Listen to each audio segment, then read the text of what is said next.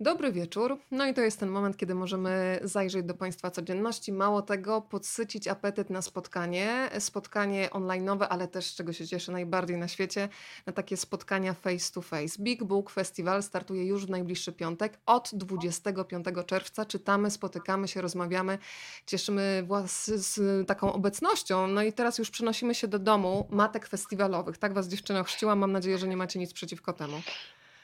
No, Ciotek, dziecko dorosło.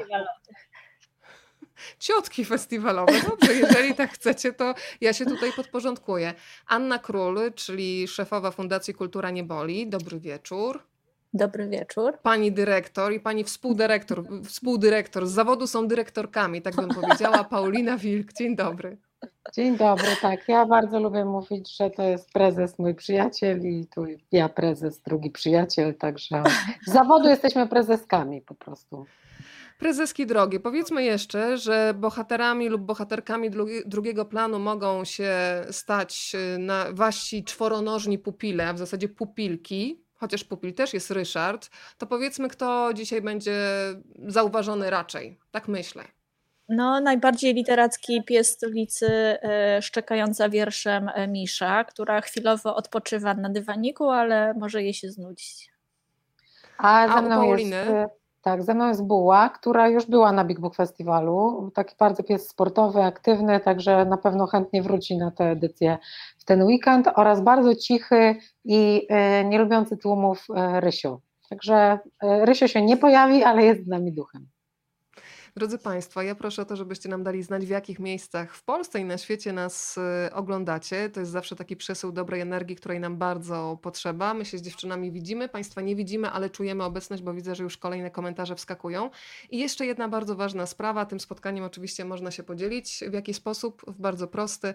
Pod tymi okienkami, w których nas widać na Facebooku jest taki guziczek udostępnij. Wystarczy go nacisnąć i tym samym ta rozmowa pojawi się również na Państwa osi czasu czasu. Dziewczyny, powiedzcie szczerze, z ręką na sercu teraz, y, jaki jest stan ducha, no bo Big Book Festival jest tuż, tuż za rogiem i wyobrażam sobie, że adrenalina jest coraz większa. To już jest taki ogromny poziom zmęczenia, czy jeszcze przed chwilą tutaj zdradzę Państwu, Ania beztrosko jadła truskawki, naprawdę wyglądała naluzowaną, więc wyluzowaną, nie wiem na ile to jest iluzja, na ile to jest prawda. E, no to ja mogę powiedzieć, bo właśnie o tym przed chwilą rozmyślałam, że ten rok e, jest jakiś e, wyjątkowo spokojny. Może to nawet być trochę podejrzane, że tak wszystko idzie gładko, ale jeszcze jest czwartek i piątek, więc coś się jeszcze może wydarzyć. Niemniej myślę, że wiesz, to jest dziewiąta edycja, więc wydaje mi się, że jesteśmy już yy, w dobrze, jakoś takich, na dobrze naoliwionych torach i na pewno wiele rzeczy robimy trochę na pamięć. To znaczy, myślę, że to dotyczy chociażby takiego rozumienia się bez słów, takiej pewności, kto jest za co odpowiedzialny i co jest jego obowiązkiem, więc tutaj nie musimy się sprawdzać na każdym kroku. I myślę, że ten rok rzeczywiście też pokazuje, że ta maszyna całkiem nieźle sobie radzi i działa. E, no a pewnie adrenalina jest, no to jest rodzaj jakiegoś takiego fajnego stresu. Jak rozmawiam z aktorami bardzo często, to oni mówią, że ten stres nigdy nie mija i że mają go nawet jak już są 40 czy 50 lat na scenie i że kiedy przestaną ten stres odczuwać, to się wtedy będą niepokoić, więc ja mam nadzieję, że też go będziemy jeszcze e, długo odczuwać. Teraz ja mam taką mieszankę. Ja tylko ja sobie mam... wyobraziłam, wiesz, jak będziemy 80-latkami, mam nadzieję, że będziemy wtedy też ogarniać internety i będziemy sobie robić na przykład takie rozmowy online i takie 80-latki też z tremą przed kolejną już Y, dziesiątą, w sensie zwielokrotnienia rzecz jasna, edycją Big Book Festiwalu. Bardzo mi się ta wizja podoba i trzymam Was za kciuki, że nadal będziemy czytać i rozmawiać na temat książek. Paulina, bardzo proszę, bo przerwałam niechcący. A propos 80-latek, to właśnie przy, częścią przygotowań do festiwalu jest połączenie się zdalne z autorami, którzy łączą się z nami ze świata. No też musimy sprawdzić, jakim tam idą te łączenia i łączyliśmy się w zeszłym tygodniu z Vivian Gornik, autorką przepięknej książki Przywiązania, która będzie z nami jeśli wszystko dobrze pójdzie zgodnie z naszym testem i ona właśnie e, e, okazała się taką bardzo e, żwawą, pełną pani. energii kobietą, tak. Tak, to ta pani, a, a, to, jest, a to jest jej książka. Mm, a pokazałam do góry nogami, tak właśnie się spodziewałam po sobie. W pięknym tłumaczeniu Łukasza Witczaka. E, I Vivian Golnik nas przyjęła w swoim niewielkim manhattańskim mieszkaniu. E, wystąpił na ekranie również jej kot. I to wszystko było takie cudownie chaotyczne i właściwie do ostatniej chwili nie wiedzieliśmy, czy ona się z nami połączy, czy nie. I chcę przez to powiedzieć, że oczywiście jest trochę tak, że jedziemy w kolejne, które stworzyłyśmy i jesteśmy pewne siebie, tak jak Ania powiedziała, i zespołu. Myślę, że to, że w ogóle możemy e, z Tobą i z Państwem rozmawiać dzisiaj, to dlatego, że ufamy innym ludziom, którzy robią bardzo ważne rzeczy na festiwalu. Jak wychodziłam dzisiaj z biura, to nasz producent e, Łukasz biegał z jednego miejsca na drugie i już widać było, że ledwo się wyrabia na zakrętach. Księgarka Julka tonęła dosłownie w książkach, nerkach, kubkach, gadżetach literackich, które po prostu zjeżdżają do nas z powodu festiwalu, więc ciężko się przecisnąć, czyli jest w pewnym sensie, po tym rozpoznajemy, że zbliża się festiwal, to znaczy nie możemy się ruszyć w biurze, bo jest wszystkiego za dużo, e, oraz zaczynają się nasze rozmowy e, o tym, czy będzie burza, czy nie będzie burzy. To jest dla nas największa nie wiadomo co roku, bo jak wybraliśmy sobie piękny czerwcowy weekend, no to żyjemy w tej niepewności i nasza publiczność też, ale jesteśmy gotowi na wszystko. Yy, na pewno będzie burza mózgów, co do tego nie ma najmniejszych wątpliwości. Tam po prostu będą tak te wszystkie zwoje mózgowe pracować podczas rozmów, dyskusji. A pogodowo poprosimy jednak burzę, żeby pojawiła się po weekendzie. Pani Burzo, poproszę tam sobie zostać gdzieś, się tak. zasiedzieć, a potem dopiero przyjść. Słuchajcie, to porozmawiajmy o mm, otwarciu festiwalu. E, Folwark e, ostateczny. Co się kryje za tym tytułem? Przyznaję, że to jest jedno z tych wydarzeń, którego jestem bardzo ciekawa i od razu powiedzmy, że wydarzenia festiwalowe częściowo będą dostępne online i na żywo, kiedy będzie można po prostu przyjść, popatrzeć, spotkać się i porozmawiać. I to jest jedno z tych wydarzeń, na którym po prostu trzeba być, bo inaczej nie będzie do niego dostępu. Tak, to jest jedno z y, unikalnych y, momentów festiwalowych, które po prostu trzeba przeżyć na miejscu. Nie ma takiej możliwości, żeby, e, żeby zobaczyć go w transmisji, bo po prostu tej transmisji nie będzie. Co możemy zdradzić? No, na pewno możemy powiedzieć i zachęcić tym, że mm, autorką e, pomysłu jest i reżyserką jest Matylda Damięcka. E, dziewczyna, która ma niezwykłą wyobraźnię i to jest e, jedna z takich osób, które myślą różnymi dziedzinami sztuki jednocześnie i potrafią to w sobie połączyć. To jest niesamowite. E, ja Matyldę poznałam kilka lat temu też z powodu Big Book Festiwalu, na którym śpiewała w spektaklu Mam na imię kobieta. Śpiewała przepięknie i wtedy mnie absolutnie jakoś uwiodła swoim sposobem interpretacji piosenek napisanych zresztą zresztą też wtedy na tamten festiwal. E, potem byłyśmy w e, kontakcie, e, a w międzyczasie Matylda stała się rysowniczką i publicystką rysującą. No i gdzieś też pokazała swoją zupełnie inną twarz, bo to, że jest aktorką i, i, i że śpiewa, wiedzieliśmy. Natomiast okazało się, że Matylda nie tylko rysuje, robi także wizualizację, jest graficzką i reżyseruje różne przedsięwzięcia, które czasem są spektaklami, a czasem najczęściej muzycznymi również, a czasem są czymś na pograniczu performance'u. W przypadku folwarku e, ostatecznego, no jak tytuł sam mówi, sięgamy do fragmentów tekstu e, folwarku zwierzęcego George'a Orwella, ale tylko fragmentów i tylko sięgamy. Rzeczywiście pojawią się zwierzęta, e, pojawi się konstytucja, która przez te zwierzęta e, jest tworzona jako rodzaj jakiegoś takiego e, kamienia milowego, którego e, warto strzec. No i szybko się okazuje, że ten kamień można przekładać, przesuwać, różne rzeczy z nim robić. Ale to, co myślę, jest jakoś najbardziej chyba urzekające poza samym pomysłem fabularnym i tym, że pojawią się świetni artyści w tym spektaklu, oprócz Matyldy, Czesław Mozil, Dobromir Dymecki, także dzieci w rolach e, chórkowych, więc, e, więc też to jest ciekawe, ale chyba najbardziej dla mnie urzekające jest to, jak właśnie ten spektakl jest plastyczny. E, Matylda przygotowuje, to mogę zdradzić, chyba niesamowite. Hmm, scenografię i niesamowite kostiumy, które e, są ogromne, plastyczne, przepiękne i myślę, że będą rodzajem jakiegoś takiego w połączeniu z postaciami rodzaju jakiegoś takiego tańca literackiego na e, scenie, więc e, też jestem bardzo ciekawa tego spektaklu i bardzo na niego zapraszam. Powiedziałaś, e, że bardzo ważna jest ta warstwa plastyczna, to od razu powiem, że autorami plakatu, który Państwo teraz mają przed oczami, są Michał Jońca i wspomniana oczywiście Matylda Damięcka i faktycznie sam ten plakat e, zatrzymuje e, i człowiek chce po prostu zobaczyć więcej. To ja teraz przedstawię pana, którego doskonale pamiętam z jednej z edycji Big Book Festiwalu. Byłam z tym panem w jednej drużynie i powiem wam dziewczyny, nie wiem czy wam opowiadałam wtedy, to była edycja, kiedy wspinaliśmy się na ścianki i byłam w drużynie z Kingą Baranowską i z tym oto gentlemanem. Przedstawmy, Paulina, poproszę. To jest Romek. To jest nasz kolega ksiądz, Roman Bielecki, dominikanin, redaktor naczelny e, miesięcznika w drodze, który no, robił z nami bardzo różne wariactwa e, pod szyldem Big Booka. Poza tym, że wspinał się z tobą na ściankę. No, bardzo, bardzo do dzisiaj jestem z was dumna, że się podjęliście tego, tego mhm. szaleństwa. E, zresztą ja mieszkam nad ośrodkiem opieki nad dziećmi, które do dzisiaj korzystają z książek, które wtedy ściągaliście z wysokości i no, w tej E, takiej e, humanitarnej w jakimś sensie akcji sportowej e, mhm. stworzy, pomogliście stworzyć tę bibliotekę dla tych dzieciaków.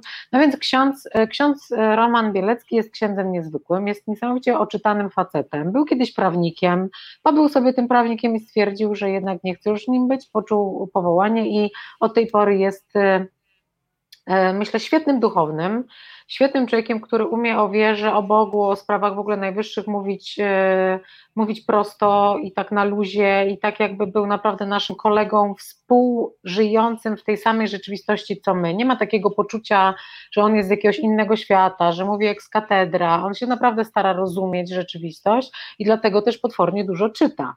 E, no i, i, ponieważ on bardzo dużo czyta i jest jednym z moich dwóch kolegów, z którymi regularnie rozmawiam o tym, a co ty czytasz, a co ja teraz czytam, tacy koledzy od książek, że się wymieniamy wrażeniami w różnych tam krótkich rozmowach telefonicznych, czy nawet SMS-ach. E, on ciągle coś czyta, więc ja po prostu mm, pomyślałam, że będzie wspaniałym przedstawicielem profesji właśnie księżowskiej, e, żeby pojawić się jako gość w cyklu, e, który ja mam przyjemność prowadzić, cyklu rozmów o czytaniu, które nazywają się po prostu książki mojego życia. My ten cykl zaczęliśmy no, prawie dwa lata temu z Marysią Peszek, która była pierwszą bohaterką takiej rozmowy. I w ogóle wydarzyło się od tej pory coś dosyć niesamowitego, bo już kilkanaście osób gościło w tym cyklu.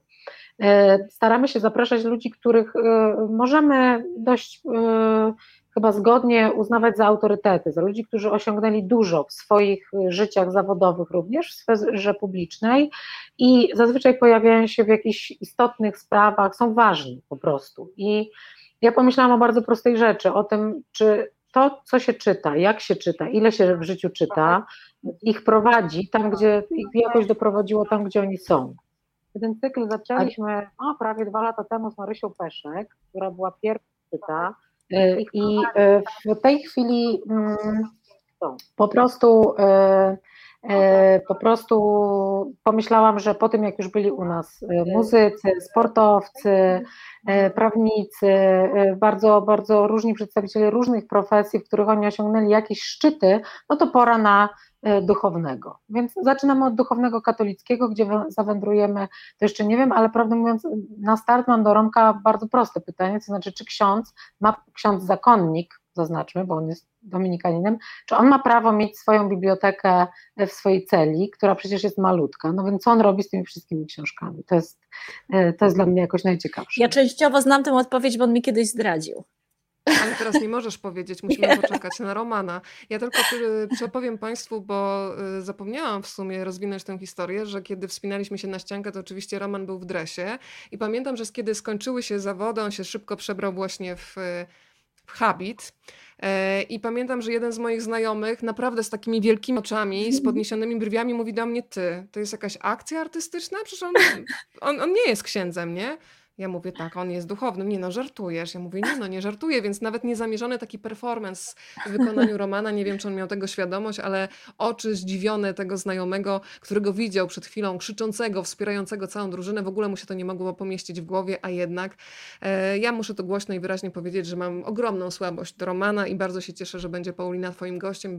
Jestem bardzo ciekawa, co opowie o tych książkach i mam wrażenie, że sięgnę po te tytuły, które mm, wskażę, bo jakaś taka podobna wrażliwość mam wrażenie, że nas łączy, więc pozdrowienia dla Romana, jeżeli będzie oglądał. pozdrowię, pozdrowię go na pewno, y, ale y, i może on nas tutaj obejrzy też, bo on właściwie jest tak szokująco podejrzanie zorientowany w rzeczywistości, wszystko wie, co się dzieje.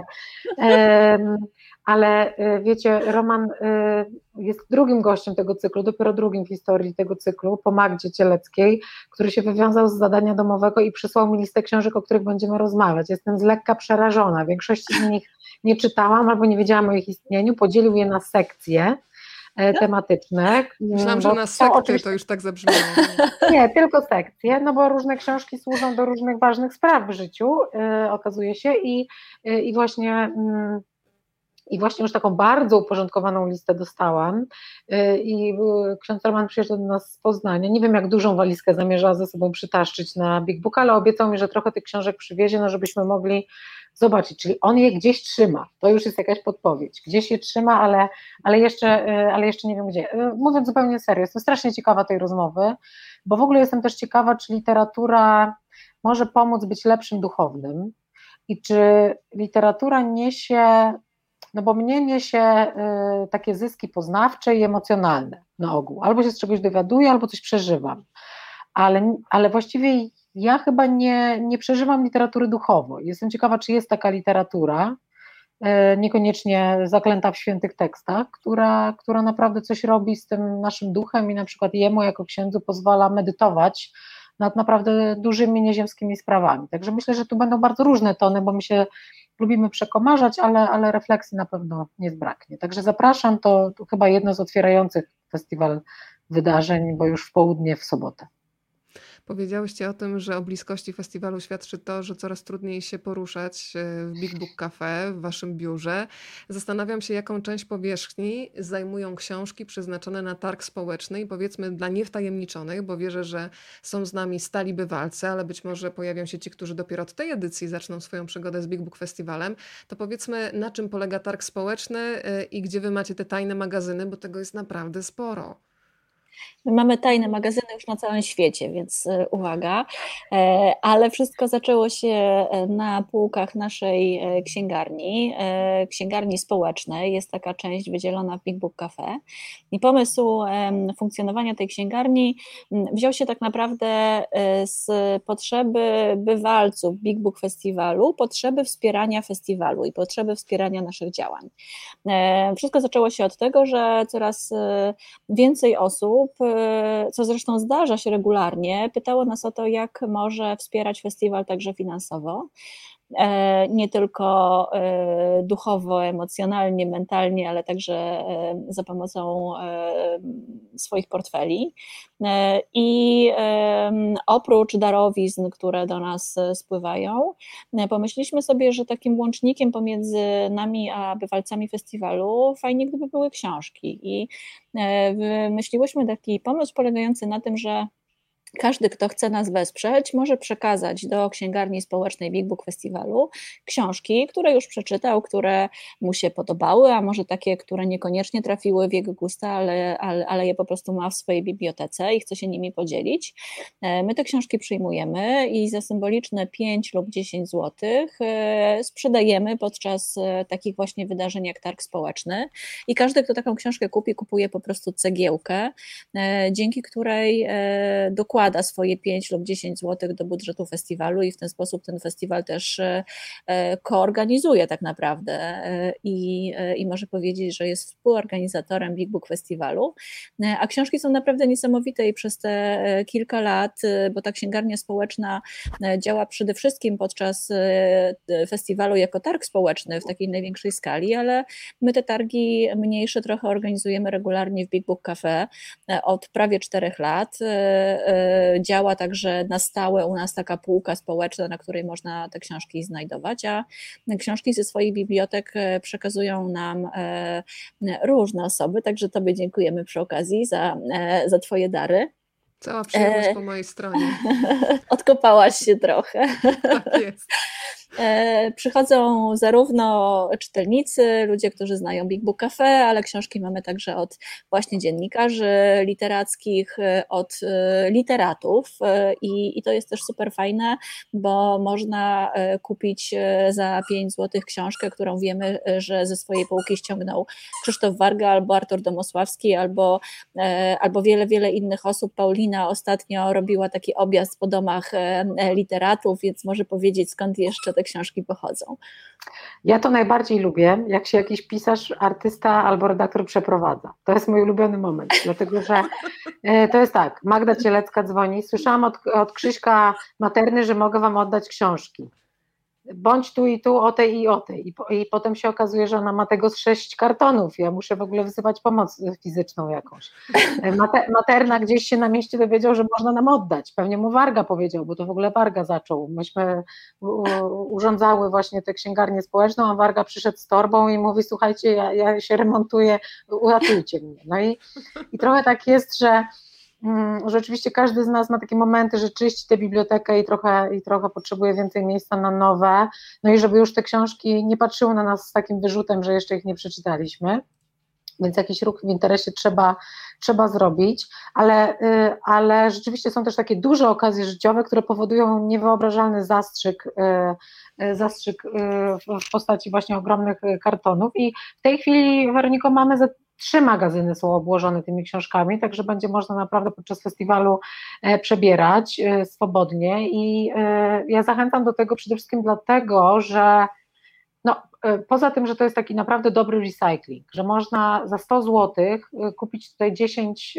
albo i 20 książek i ludzie, którzy znają ten targ, przychodzą wcześniej, przychodzą z wielkimi torbami, walizkami, plecakami, no to już są praktycznie zawodowcy, ale to, co jest w nich wspaniałe, to że oni E, trzy miesiące później odnoszą te książki, już przeczytane i jakby robią taki, o, to się robi taki fajny obieg zamknięty i ta literatura naprawdę krąży i naprawdę ludzi cieszy i też wspaniałe są takie drobne cuda, które się dzieją podczas tych targów. E, bo są takie książki, my wszyscy wiemy i doświadczamy tego, że rynek e, książki jest e, nieomalże rynkiem dóbr szybko zbywalny. To znaczy pewne książki wychodzą i raptem rok czy półtora po ich premierze naprawdę się ich nie da nigdzie dostać, bo się nakład wyczerpał, wydawca już nie dodrukowuje, duzi, wydaw, duzi księgarze nie trzymają ich na półkach, no i co wtedy zrobić? Nie ma, nie ma tych książek na aukcjach, jakoś znikają. No i gdzie one są? No właśnie w naszych domach.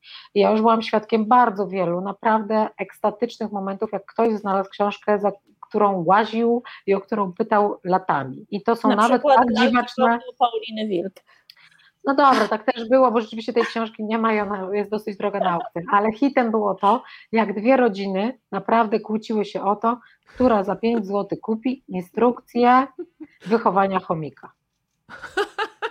Czyli nie ma takich książek, których ktoś gdzieś nie pragnie. I to jest w ogóle taki też a propos tego, że cały tegoroczny festiwal jest o nadziei, o, o, o takiej wierze w dobrą przyszłość, to to ten targ mam poczucie, że jest taką naprawdę dobrą wymianą pozytywnej e, energii, ale też takiego bardzo dziwnego szczęścia. No, książka, która nas już nie obchodzi albo nas nie podekscytowała, dla kogoś będzie strasznie ważna.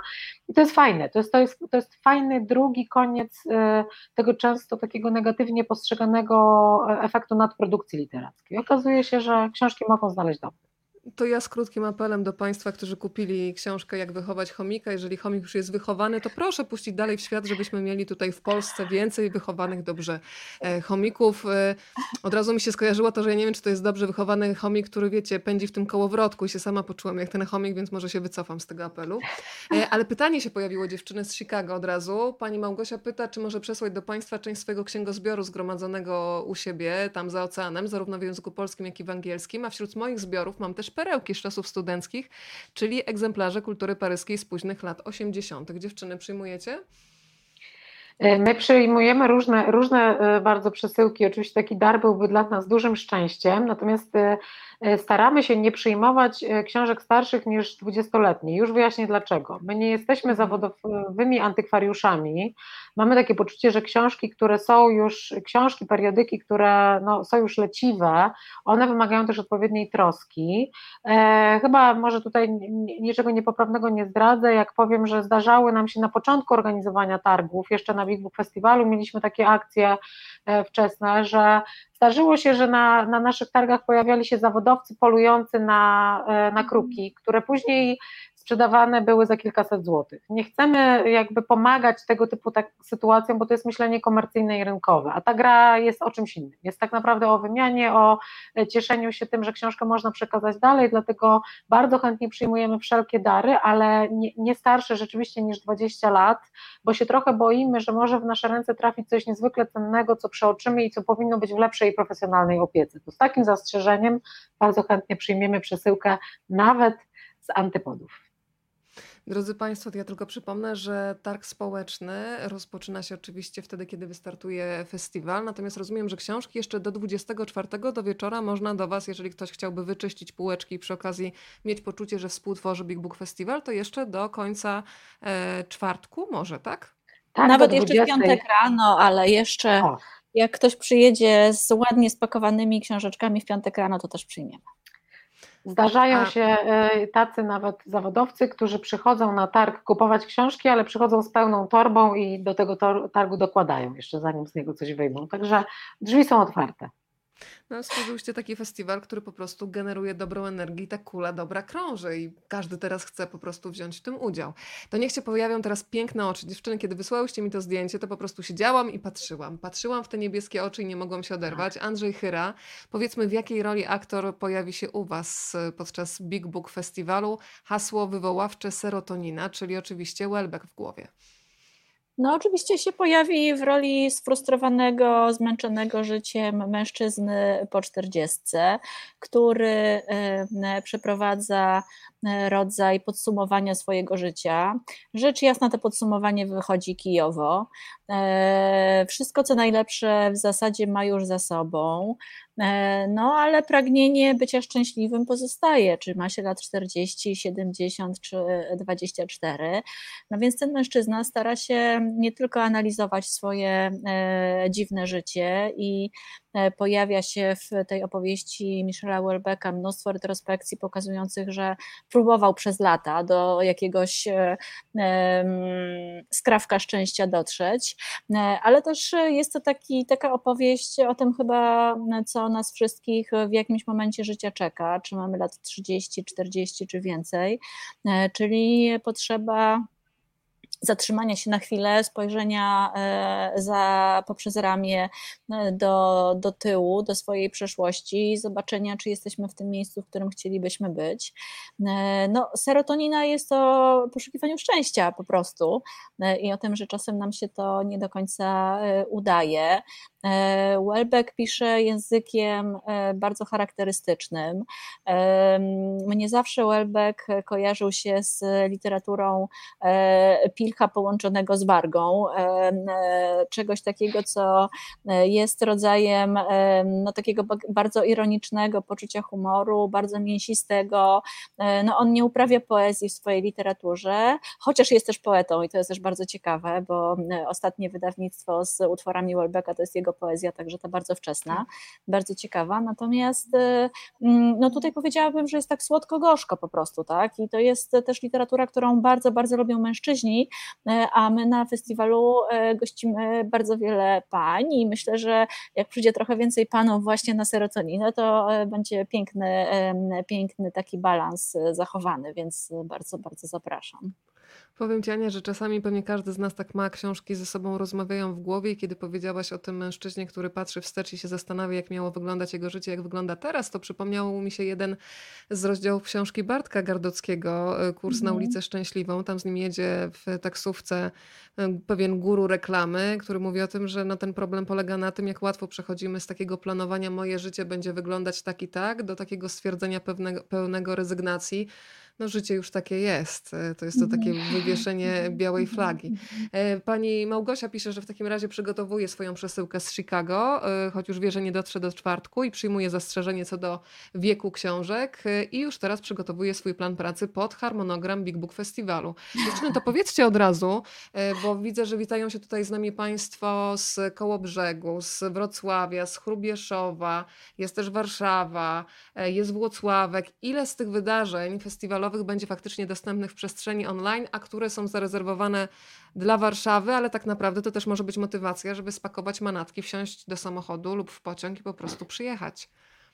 No mamy taką dobrą y, informację, że prawie wszystkie będą transmitowane i również wydarzenie serotonina, trochę mhm. na skutek tego, jak ogromnym się cieszy zainteresowaniem, ile tam klików pod y, wszelkimi postami związanymi z obecnością Andrzeja Chyry się pojawiało, y, zmieniliśmy naszą, na, na, naszą strategię troszkę tegoroczną i właściwie transmitowane będą wszystkie wydarzenia z wyjątkiem trzech, może tak będzie łatwiej to powiedzieć.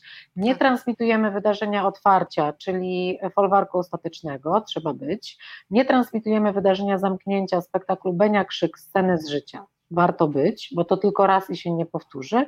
I nie przetransmitujemy spektaklu Małego Teatru Simona K. wołająca na puszczy z Agnieszką Przepiórską w roli głównej, czyli te trzy takie najbardziej teatralne wydarzenia rzeczywiście wymagają obecności i przeżycia, bo też one bardzo zależą od tego, jaka, jakie emocje, e, jaką chmurę energetyczną wygeneruje tłum. To jest też dla aktorów niesamowicie ważne, żeby odebrać tę energię i się nią wymienić. Myślę, że też dla nas stęsknionych e, takimi, e, tak, taką, taką bliskością, to też, to też jest bardzo ważne. Natomiast wszystkie inne e, spotkania festiwalu i wydarzenia można obejrzeć w dwóch miejscach. E, w naszym kanale e, na YouTubie, ten kanał nazywa się Big Book Festival, Big Book Cafe and Festival albo po prostu na stronie bigbookfestival.pl. Przy każdym z wydarzeń, w które Państwo klikną, otworzy się okno transmisyjne i tam można y, wszystko zobaczyć. Jeśli tego okna transmisyjnego nie ma, no to jest właśnie sugestia, że akurat tego nie transmitujemy, ale, y, ale y, no już rok temu zdecydowaliśmy się na, na zbudowanie czegoś w rodzaju literackiego Netflixa na tej naszej stronie festiwalowej żeby Państwo korzystali z takiej nawigacji, do której na pewno jesteście przyzwyczajeni, żeby to było jakoś łatwe i przystępne i żeby to pozwoliło e, korzystać z literatury. Ja zresztą mam takie poczucie, że są różne plusy wynikające z e, pandemii i tego skoku kompetencji cyfrowych, który my przeżyliśmy jako fundacja, ale też wielu, wielu z nas e, w ogóle. To znaczy myślę sobie i cały czas podjudzam prowadzących spotkania z autorami zagranicznymi, tegorocznymi naszymi gośćmi, którzy się będą na, z nami łączyć, czy z Nowego Jorku, czy z Limy, czy z Tel Awiwu, czy z Argentyny nawet, E, to ja, e, to ja pod, podjudzam ich, e, żeby nakłaniali tych pisarzy, którzy jak już nas wpuszczają do swoich domów, no to niechże pokażą, jak żyją, co tam mają, co w szufladzie, co, co tam za nimi na tej biblioteczce stoi, bo, bo to jest w sumie dość unikalna okazja, żeby zobaczyć mieszkanie Vivian Gornik. Ja w ogóle myślę, że to jest autorka, która by pewnie się nie fatygowała do nas przez pół świata, gdybyśmy my nie mogli zajrzeć do niej. Także no są plusy i postaramy się po prostu z tego e, skorzystać. No i też ten, te, te półtora roku od, od początku pandemii nas nauczyło dzielić się wszystkim, co robimy w internecie i ogromnie się cieszymy, że dostajemy no, zwrot emocji. Wiemy, że, że, że są widzowie dla literatury właśnie od, od Chicago po, po Australię. Właśnie ja może zobaczyłam, tutaj się... skoro mówimy o wchodzeniu do domu, że tam mój mąż takim szybkim rzutem zapalał lampę i się chował, też by się nie pokazał normalnie na spotkaniu, także dziękujemy bohaterowi drugiego, drugiego planu. Jeszcze no ja może pies nam przemknie. Postanowiłam się podświetlić trochę. Ale ja tutaj e, przy okazji, jak e, e, mówiłaś, Paulina, o tych transmisjach, zobaczyłam, że jest w komentarzu pytanie, czy te spotkania będzie można zobaczyć później, bo niektóre rozgrywają się w tym samym planie czasowym. Więc tak, wszystkie nasze transmisje pozostają na naszym kanale na YouTubie, więc można do nich wracać. I na www też zostaną. To powiedzmy teraz też o takich spotkaniach. Z jednej strony będą spotkania premierowe, ale bardzo mi się podobają też te spotkania, nazwijmy je tak y, po prostu tematyczne. I tu teraz wywołuję pierwszą parę, którą na pewno będę chciała zobaczyć albo na żywo podczas transmisji, albo w retransmisji, z którą sobie zorganizuję w domu. E, Hasło wywoławcze Fatalne dziedzictwo. Miałam okazję do spotkania z Olą Zbroją i jestem pod ogromnym wrażeniem jej książki Mireczek, Pato opowieść o moim Mhm. ojcu, więc jeszcze dziewczyny przedstawcie e, partnera w tym duecie literackiej rozmowy, bo zapowiada się bardzo ciekawe spotkanie. Filip Zawada i Aleksandra Zbroja rozmowa o tym, e, czy jesteśmy em, zdolni do tego, żeby z pewnej traumy dzieciństwa nie tylko wyjść i odmienić swoje życie, ale także przetworzyć to, co nam się przytrafia e, właśnie za pomocą e, literatury, sztuki em, i innych narzędzi, które sprawiają, że właściwie to nasze obciążenie i jakieś takie e, transpokoleniowe, ciągnące się za nami często traumy potrafią być też twórcze i potrafią także nas pchać do dobrego i sprawiać, że jesteśmy dzięki temu lepszymi, bardziej dojrzałymi ludźmi. Więc to jest, myślę, taka bardzo poważna, bardzo e, serio rozmowa, chociaż ta literatura, którą reprezentują e, i Aleksandra Zbroja i Filip Zawada, to nie jest e, To moje Co psy. tam się dzieje? Tak, To ktoś- jest ktoś Buła i nas- Ryszard, drodzy Państwo. Ktoś chce ukraść książki z naszej domowej biblioteki, to na, pra- na pewno to... I bronią. Przepraszam, to za chwilkę minie, to na pewno y, sąsiad albo... albo... Ale one nie, ja wiem, one się dopominają tematu psiego, który też będzie w Big Book Festiwalu. Dziękuję Ryszard tak, i Buła, będzie, bo byśmy zapomniały. No to dobrze, to ja w takim razie właśnie. tylko powiem ostatnie zdanie już kończąc, Tak. chociaż w e, książkach Filipa Zawady pojawiają się też w tytułach i psy, i koty, więc dobrze możemy przejść do folwarku literacko-psiego e, i opowiedzieć już o e, wydarzeniach z udziałem czworonogów. No w końcu pies i kot też członek rodziny i może go tam spotkać niejedna trauma. Ja tylko dodam do tego, co Ania powiedziała, że mam wrażenie, że to nie będzie bardzo poprawne spotkanie. To znaczy, e, ono się może wydawać niepozorne, ale w Polsce rozmowa o tym, że rodzina może być fabryką zła, jest naprawdę kontrowersyjna. I to są autorzy, którzy są, można powiedzieć, że w naszym kawałku świata bardzo podziwiani za świetną literaturę, którą potrafią wykrzesać ze swoich cierpień i, i z trudnych przeżyć, ale są ludzie w Polsce, którym się w głowie nie mieści, że y, y, o rodzinie można mówić i myśleć krytycznie. To jest naprawdę, myślę, też miara tego, y, co oni rozsadzają swoimi książkami. Jednak taka bardzo silna mm, wiara w to, że rodzinę trzeba przede wszystkim utrzymać, zachować razem, ochronić, że rodzina to jest w ogóle jakaś instytucja, która podlega szczególnej ochronie, etc., etc., a, a jednocześnie żyjemy w świecie, w którym coraz częściej, odważniej mówimy o bardzo różnych formach zła, które się dzieją pod nosem najbliższych i przez najbliższych są naj, najbliższym czynione. Także to jest moim zdaniem e, spotkanie o ogromnym potencjale takim uczuciowym i też o ogromnym potencjale prawdy. No nie mamy ważniejszego środowiska do życia na start niż, niż te właśnie rodziny. A z psami myślę, że będzie lżej i fajniej. To jedno z naszych e, dwóch e, zaledwie, e, ale bardzo wyselekcjonowanych. Mam, mam nadzieję, że będą one świetne spotkań dla dzieci i rodzin i właśnie czworonogów. Mm, To, że mamy w Big Booku słabość do psów, to oczywiście wiadomo od, od 9 lat, ale y, będzie spotkanie Pies jaki jest, y, w którym udział weźmie między innymi behawiorystka i autorka książki dla dzieci, Pies SOS, o tym, co właściwie jest dla psa dobre. Czy na pewno taka napka z szynką to jest taki świetny pomysł i to trochę będzie opowieść i dla dużych i dla małych o tym, jak bardzo nie rozumiemy naszych psiaków, chociaż mamy dobre intencje i się staramy, ale, ale robimy masę głupotek wobec, wobec nich. Y, mm, A drugie spotkanie dziecięce będzie uczyło małe y, dzieci i ich dorosłych opiekunów, jak być aktywistami ekologicznymi tu i teraz, bez gadania i po prostu śmiało do dzieła. Już.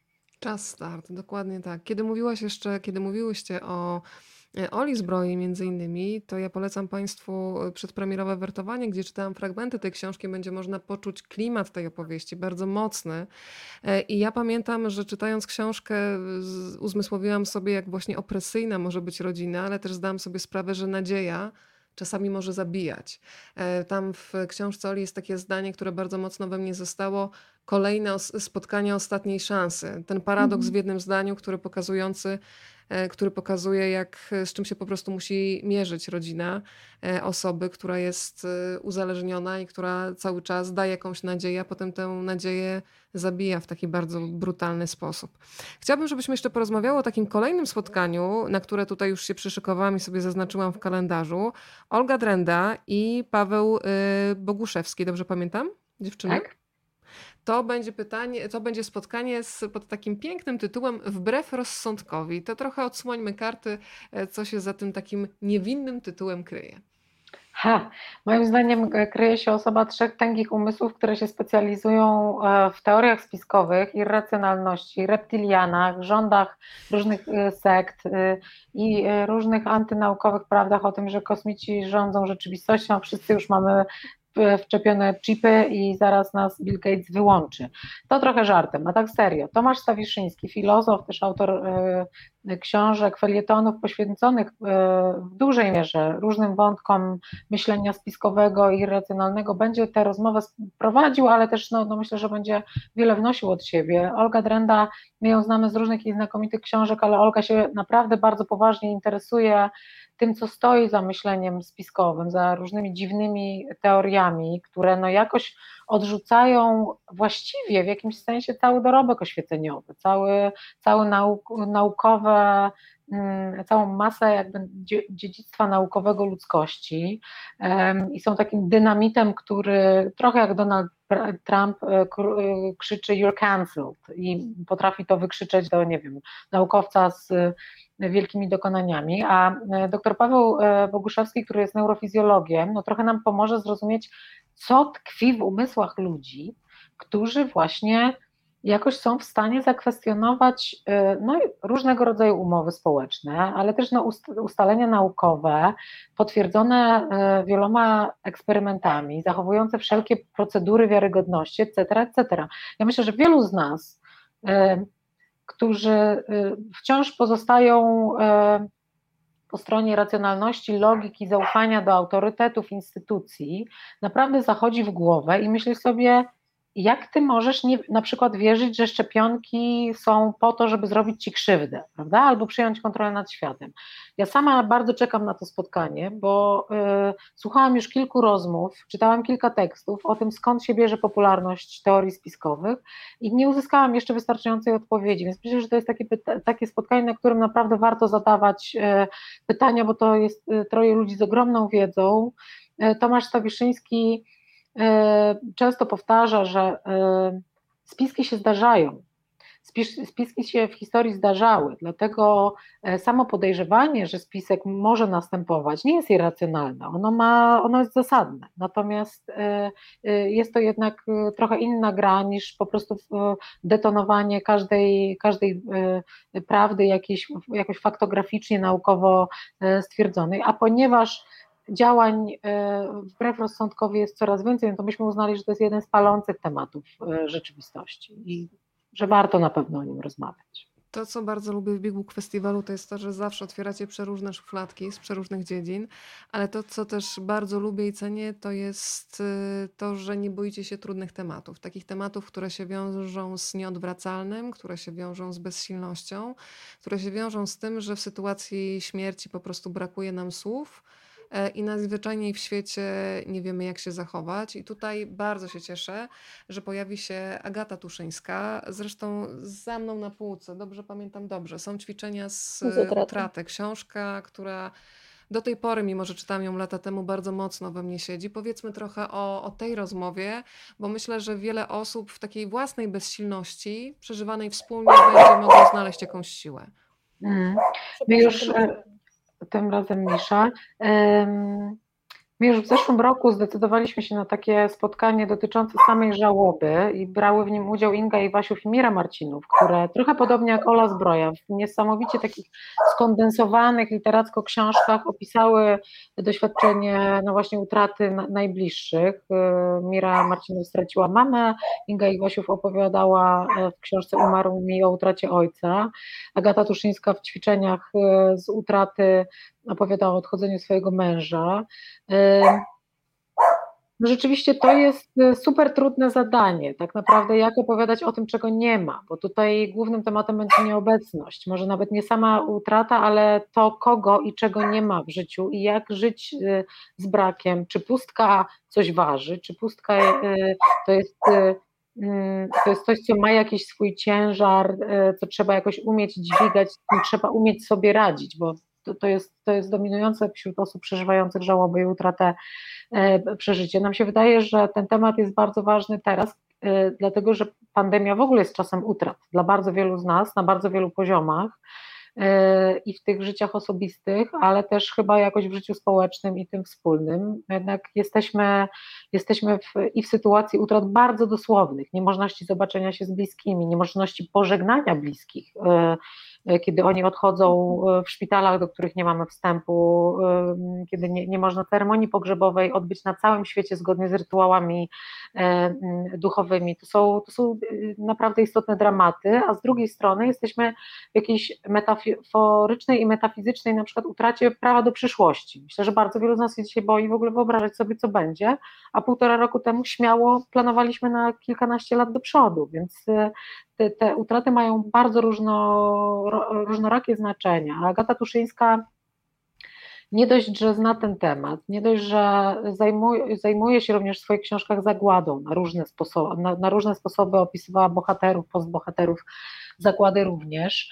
E, to, to jeszcze e, w tym wszystkim no, wydaje nam się ważny taki, taki, hmm, taki aspekt zdolności y, medytacyjnych nad, nad trudnymi tematami, bo to spotkanie otwiera zupełnie nowy cykl rozmów w Big Book Cafe. To spotkanie odbędzie się w ogrodzie Big Book Cafe w niedzielę najbliższą i będzie pierwszym z comiesięcznych spotkań, w których zapraszamy autorów o niezwykłym dorobku literackim do tego, żeby spróbowali odpowiedzieć właśnie na te wielkie pytania, e, na, na, na pytania o największe wartości. To jest taki naprawdę najwyższe C, najcięższy kaliber. Postanowiliśmy spróbować rozmawiać z pisarzami nawet nie tyle o literaturze, co naprawdę o tych największych wyzwaniach w życiu, bo, bo mamy takie przekonanie, że chyba właśnie czas pandemii też nam pokazał, jak wielka siła e, tkwi w literaturze, taka siła, która pozwala przeżywać najtrudniejsze momenty, niesie otuchę, ale też niesie głębokie zrozumienie. No nie, można,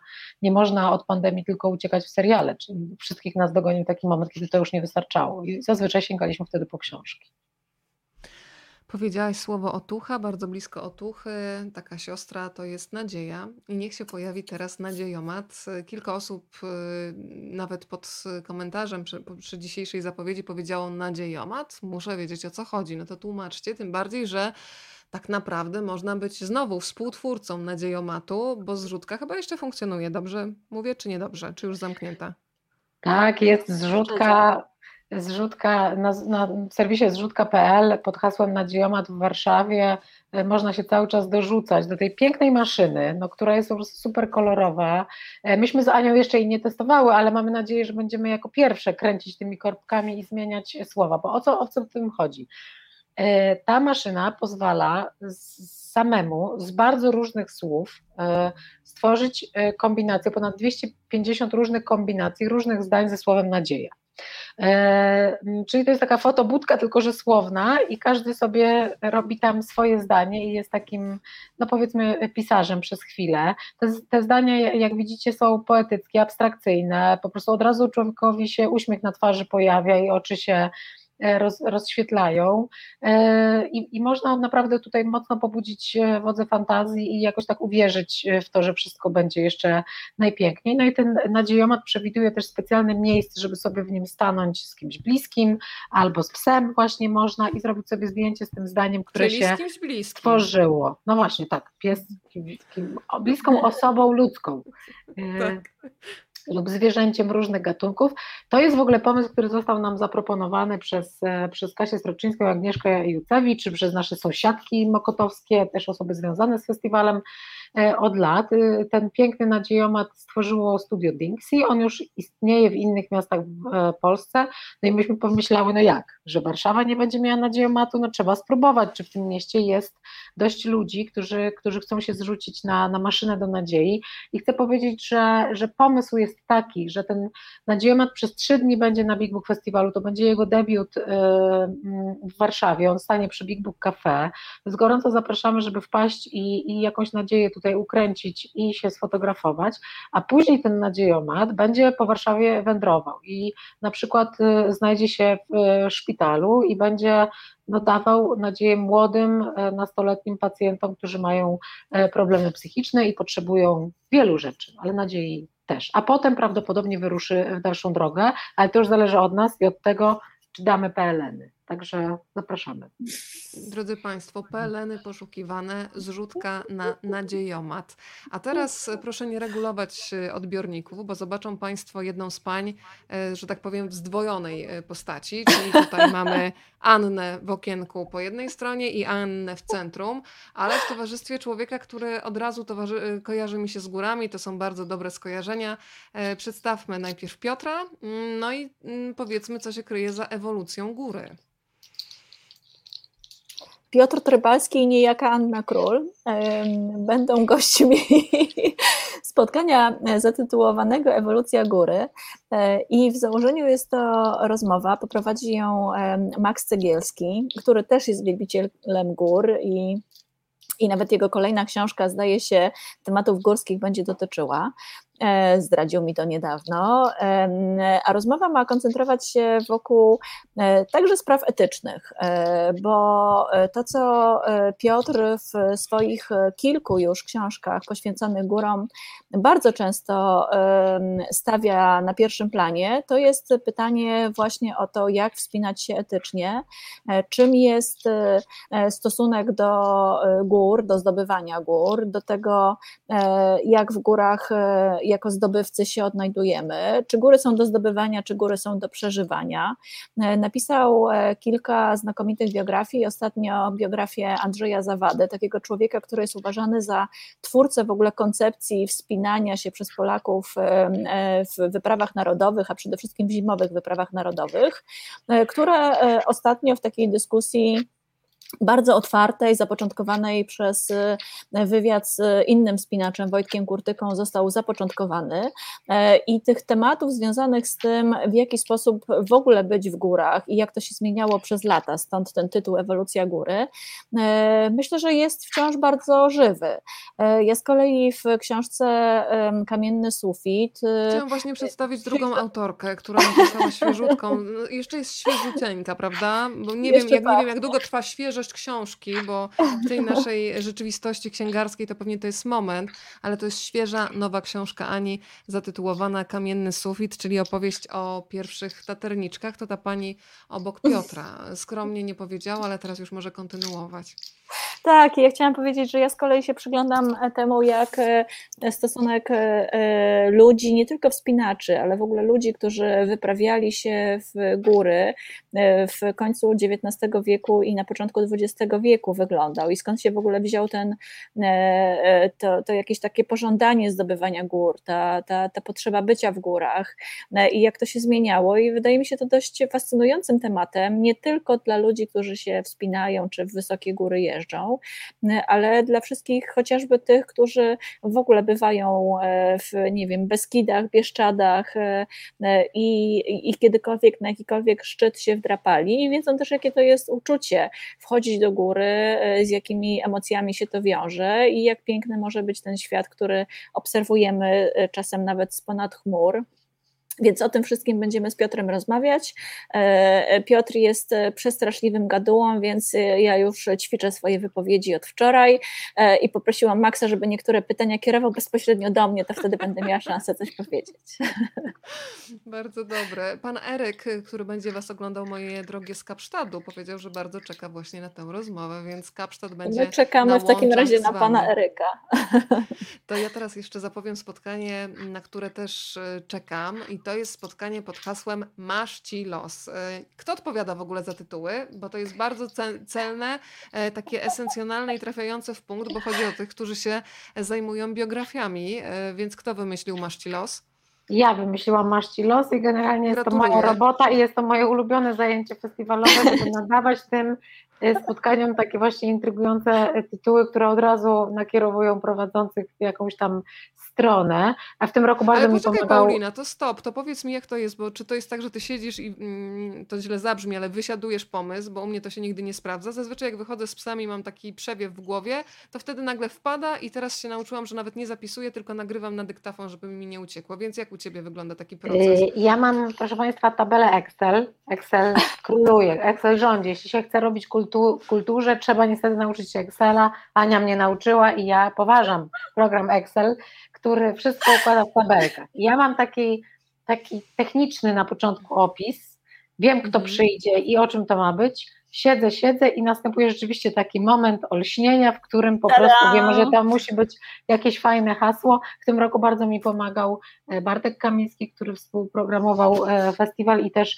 e, wiesz, że Weroniko, czasami jest tak, że zaczyna się, cały pomysł zaczyna się od tytułu spotkania, bo bywa rzeczywiście odwrotnie, że na przykład e, mm, spotkanie z Filipem Zawadą i Jolą Zbroją. Właściwie się zaczęło od pomysłu Bartka e, o tym fatalnym dziedzictwie, jak, jak, jakie strategie przetrwania w rodzinach się przyjmuje i, i jak, jak, jak w literaturze ma, można, jakie przyjąć strategie, żeby opisać to doświadczenie, więc e, czasami zaczyna się właśnie od, od samego błysku i to jest jedno słowo, ale jakoś nie, nie przychodzą e, trudno te, te skojarzenia i rzeczywiście jest to mój e, wszystkich e, zadań rozmaitych, które mam przy festiwalu, to jest moje ulubione. Siedzenie nad tym Excelem i zmienianie go w taką właśnie, nie wiem, copywriterską poezję czasami. To jest super. Nigdy bym nie sądziła, że można Excela połączyć w ogóle z jakąś taką nawet poezją, nawet proza. Na, proza życia to jest Excel Excela można tutaj ze takie- wszystkim połączyć. Weroniko. To ja przyjdę do Was na korepetycję, bo jak ja muszę odpalić Excela albo jakieś umowy, to, to mam generalnie y, taką ochotę walić głową w biurko. Przepraszam za takie przyziemne tutaj spostrzeżenia, ale dzisiaj miałam taki dzień y, właśnie księgowy i było to straszne. Na szczęście A ja też miałam dzisiaj taki dzień. literaturze. Ale Ja ty też, lubisz, wiesz, bo tak? Jak się robi festiwal, to trzeba też wystawić umowy dla, jak już się chwalimy, że zapraszamy 100 gości, no to, no to trzeba dla nich wystawić umowy, także... y, A ja je no zgłaszałam to- dzisiaj do ZUS-u.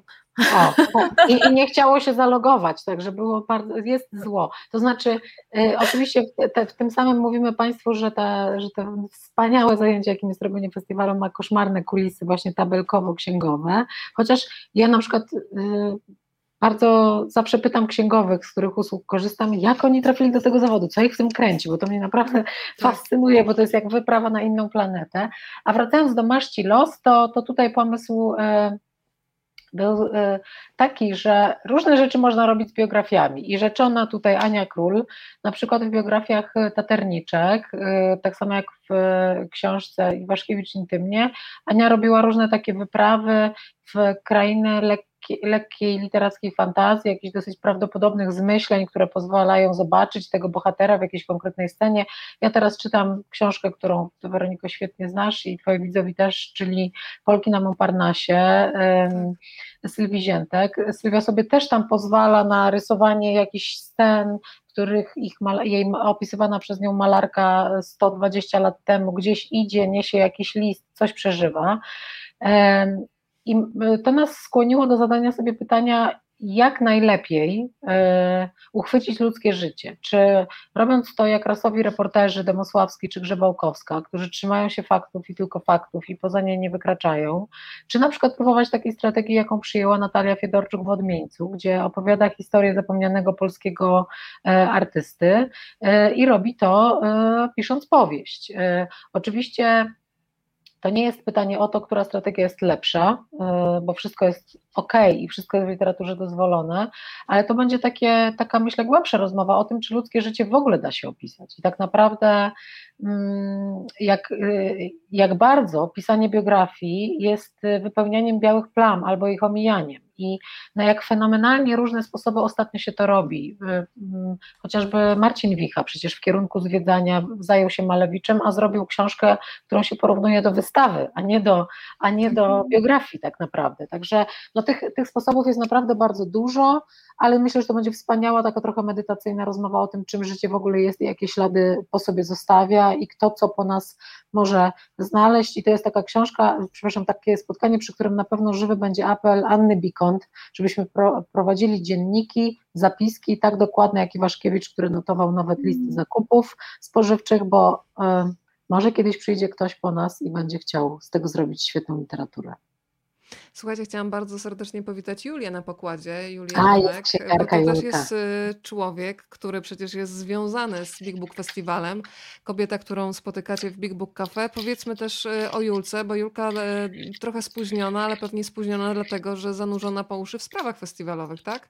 Tak, Mówią, Julka, że kartony przerzuca. Tak, Julka z Dorotą przerzucały kartony oraz wysyłały dla wszystkich tych, którzy jeszcze zamówili przed festiwalem książki, ich paczki, bo z nimi rozmawiałam całkiem niedawno i właśnie mówiły, że pakują. Także... Muminki pakowały, muminki, nerki festiwalowe, ja widziałam to wszystko. Księgarka Julka jest po prostu ostoją naszego bytu, dlatego że wiadomo, że nasze życie się kręci wokół książek.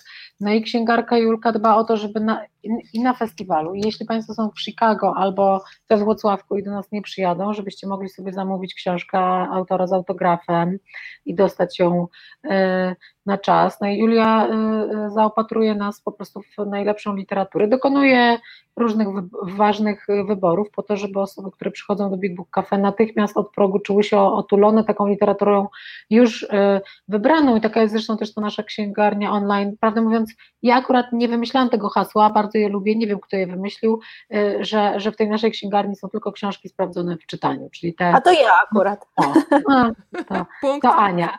No a Julia, a Julia dba o to, żeby właśnie te książki sprawdzone w czytaniu były, bo Państwo sobie nie zdają sprawy, jak ciężka jest praca księgarza i jak dynamiczna, dlatego że książki się w księgarni przemieszczają, znikają z półek, e, niektóre spełniają czyjeś marzenia, są dramaty, bo ktoś chciał dla mamy, a już nie ma, dopiero trzeba zamawiać. Także to, to, nie, jest, to nie jest łatwa praca. Myślę, myślę, że też czasami jest piękna, e, choć, choć Julia też ma różne tabelki. To ja jeszcze wspomnę, wspomnę, jak już e, wywołałyśmy do, do tablicy księgarkę Julkę, to ja wspomnę, że księgarka Julka bardzo często współpracuje z gadżeciarką Dorotą, e, która z kolei odpowiada za to, e, żeby można było właśnie kupić te wszystkie wspaniałe, piękne rzeczy, które wymyślamy sobie, jak nie chcemy już robić tabelek Excelowych. I na przykład dobieramy właśnie kolory na kubeczkach, kłócimy się z Dorotą, czy ten napis jeszcze będzie najpiękniej jest widoczny, czy powinien być ciut większy. E, rozmawiamy o tym, czy ten złoty jest odpowiednim kolorem, czy nie. E, Dorota projektuje pudełeczko, więc te wszystkie rzeczy to jest gadżeciarka Dorota i te kubki, tegoroczne nerki przepiękne, cała kolekcja pinów, e, maseczki przecudne, o które walczyła wiele tygodni, żeby były gotowe na festiwal. To wszystko proszę docencie, bo naprawdę staramy się, żeby było jak najpiękniej i żebyście też mogli się właśnie ubrać i zabrać trochę festiwalu do siebie wydał. To słuchajcie, skoro pokazałam kubeczek, od razu jeszcze muszę Państwu powiedzieć, bo widzę, teraz się przerzuciłam na stronę Big Book Cafe. Państwo tutaj też komentują. E, system działa tak, że zasysa te komentarze, które są pod rozmawiam, bo lubię, ale ja się tutaj przerzucam, ale mówię o tym e, teraz dlatego, że jeżeli ktoś chce wziąć udział w konkursie, a konkurs już za chwilę wystartuje, nasza cudowna maszyna e, losująca, maszyna za ścianą, za chwilę będziesz uruchamiana, bo tutaj do uruchomienia maszyny jednak potrzebny jest człowiek, to jeżeli ktoś z Państwa ma ochotę taki kubeczek y, wylosować. Z hasłem jeszcze będzie najpiękniej, to proszę, żeby w komentarzach pod y, tym mm, pod tą rozmową, która właśnie się toczy, wpisali Państwo hashtag Big Book Cafe albo Big Book Festival, przepraszam, Big Book Festival, Big Book tutaj Festival. z maszyną ustaliłam coś innego. Big Book Festival, więc wpisujemy hashtag Big Book Festival i wśród tych osób, które mm, taki hashtag tutaj zostawią w komentarzach pod profilem Rozmawiam, bo lubię, zostanie wylosowana jedna, do której taki kubeczek razem w zestawie z maseczką trafi. Dziewczyny, możemy go wysłać, czy to będzie odbiór osobisty? Muszę z Wami ustalić. Możemy go, y, zawsze zapraszamy bardzo serdecznie, ale możemy go też wysłać, bo gadżeciarka Dorota też przygotowała wspaniałe pudełka, w które możemy spakować taką przesyłkę. I, i my bardzo lubimy spacerować do... Polski, tak? Tak, wysyłamy na terenie Polski. My kochamy chodzić do paczkomatu i wkładać tam różne rzeczy i marzyć o tym, jak się ucieszy ten ktoś, kto odbierze po drugiej stronie rzeczywistości. Widzę, że pojawiają się już pierwsze hasztagi. Od razu mówię, że festiwal przez V, tak żeby maszyna rozpoznała, że to jest dokładnie ten hashtag, o który nam chodzi. To jest y, wskazówka dla pani Agaty, która wpisała przez W, więc proszę jeszcze tutaj drugą próbę podjąć, wtedy system ja będzie chciałam- zasysał. Chciałam za, zareklamować nasz kubeczek, że złoty, ale skromny. To chciałam powiedzieć, wiesz, ty czytasz w myślach. Ale słuchajcie, wytłumaczmy się tak naprawdę z tego hasła, bo oczywiście w taki sposób jednoznaczny e, przychodzi mi do głowy Tomasz Lipiński i słowa jeszcze będzie przepięknie. E, Jak wyglądało właśnie przearanżowanie tego słowa i stwierdzenie jednogłośne, że to będzie hasło tegorocznego Big Book Festiwalu? Tak, te rozmowy e, e, prowadziłyśmy właściwie z Pauliną od e, e, chyba na początku jakoś roku, bo to zwykle tak jest, że mm, w tym czasie e, no, już jakoś się tak materializuje to, to, to, to hasło czy motto festiwalowe. Nie wiem, w zasadzie nie umiem odpowiedzieć na pytanie, jak to się dzieje, że te hasła, e, te sformułowania, te motta, które jakoś wymyślamy i przychodzą nam do głowy, okazuje się, że w e, totalnie precyzyjny sposób opisują zarówno to, co chcemy powiedzieć, jak i jakoś definiują rzeczywistość, która nas otacza. Więc prawdopodobnie jest to połączenie magii z intuicją. E, I tak też się stało e, tym razem. Właściwie wszystkie, jakbyśmy nawet e, spróbowały jakoś prześledzić te hasła festiwalowe, takie jak skok w bok, czy ekspedycja, czy papier nie umiera nigdy, one wszystkie były rodzajem jakiegoś takiego żartu, czy pewnego żartu słownego. I tak jest też w tym przypadku. To znaczy, ono z jednej strony wydaje się bardzo poważne, właśnie takie napełnione nadzieją, napełnione jakimiś dobrymi emocjami, ale z drugiej strony jest w tym jakieś przymrożenie oka, że jeszcze będzie i nie pięknie, przyjemnie, tylko najpiękniej, tak? Więc e, e, to sformułowanie jest też rodzajem jakiegoś takiego słownego wy, wy, wygibańca, które bardzo, bardzo lubimy. Może nie jest aż tak zabawne jak człowiek nie pies i czytać musi, ale, ale teraz też jest inny czas, tak? I myślę, że to, czego właśnie potrzebujemy, to wiary w to, że nie będzie dobrze, tylko będzie najlepiej. Drodzy Państwo, to ostatnia minuta na to, żeby jeszcze dać losowi szansę. Przypominam, wpisujemy hashtag Big Book Festival pod transmisją na profilu Rozmawiam, bo lubię. Tak jest ten system skonstruowany, tego już nie przeskoczę, ale pozdrawiam wszystkich, którzy nas oglądają również na przykład na profilu e, Big Book, Big Book Cafe, bo widzę, że tutaj też e, Państwo komentują. Pani Renata na przykład napisała, że ćwiczenia z utraty, o których rozmawiałyśmy, książka mm, Agaty Tuszyńskiej, to jedna z najważniejszych dla niej książek. Całą moc dobrych myśli, Pani Renato, do Pani teraz e, wysyłamy. Mamy pozdrowienia z Młocin od pani Teresy, która była na pierwszym festiwalu, a potem już na kolejnych, więc słuchajcie, O, miłość od super. pierwszego wejrzenia, która trwa i się pogłębia z każdą edycją. E, Pozdrowienia dla pani Bogumiły, dla pani Kasi, dla pani Marii. Tutaj jest też duży aplauz i radość, jeżeli chodzi o nadziejomat, więc e, Mhm. nie ma wątpliwości, że on będzie czynił dobro w mieście. E, I pani Monika, która mówi, że wspaniale się was dziewczyny słucha, też tutaj pozdrowiona niech będzie od nas.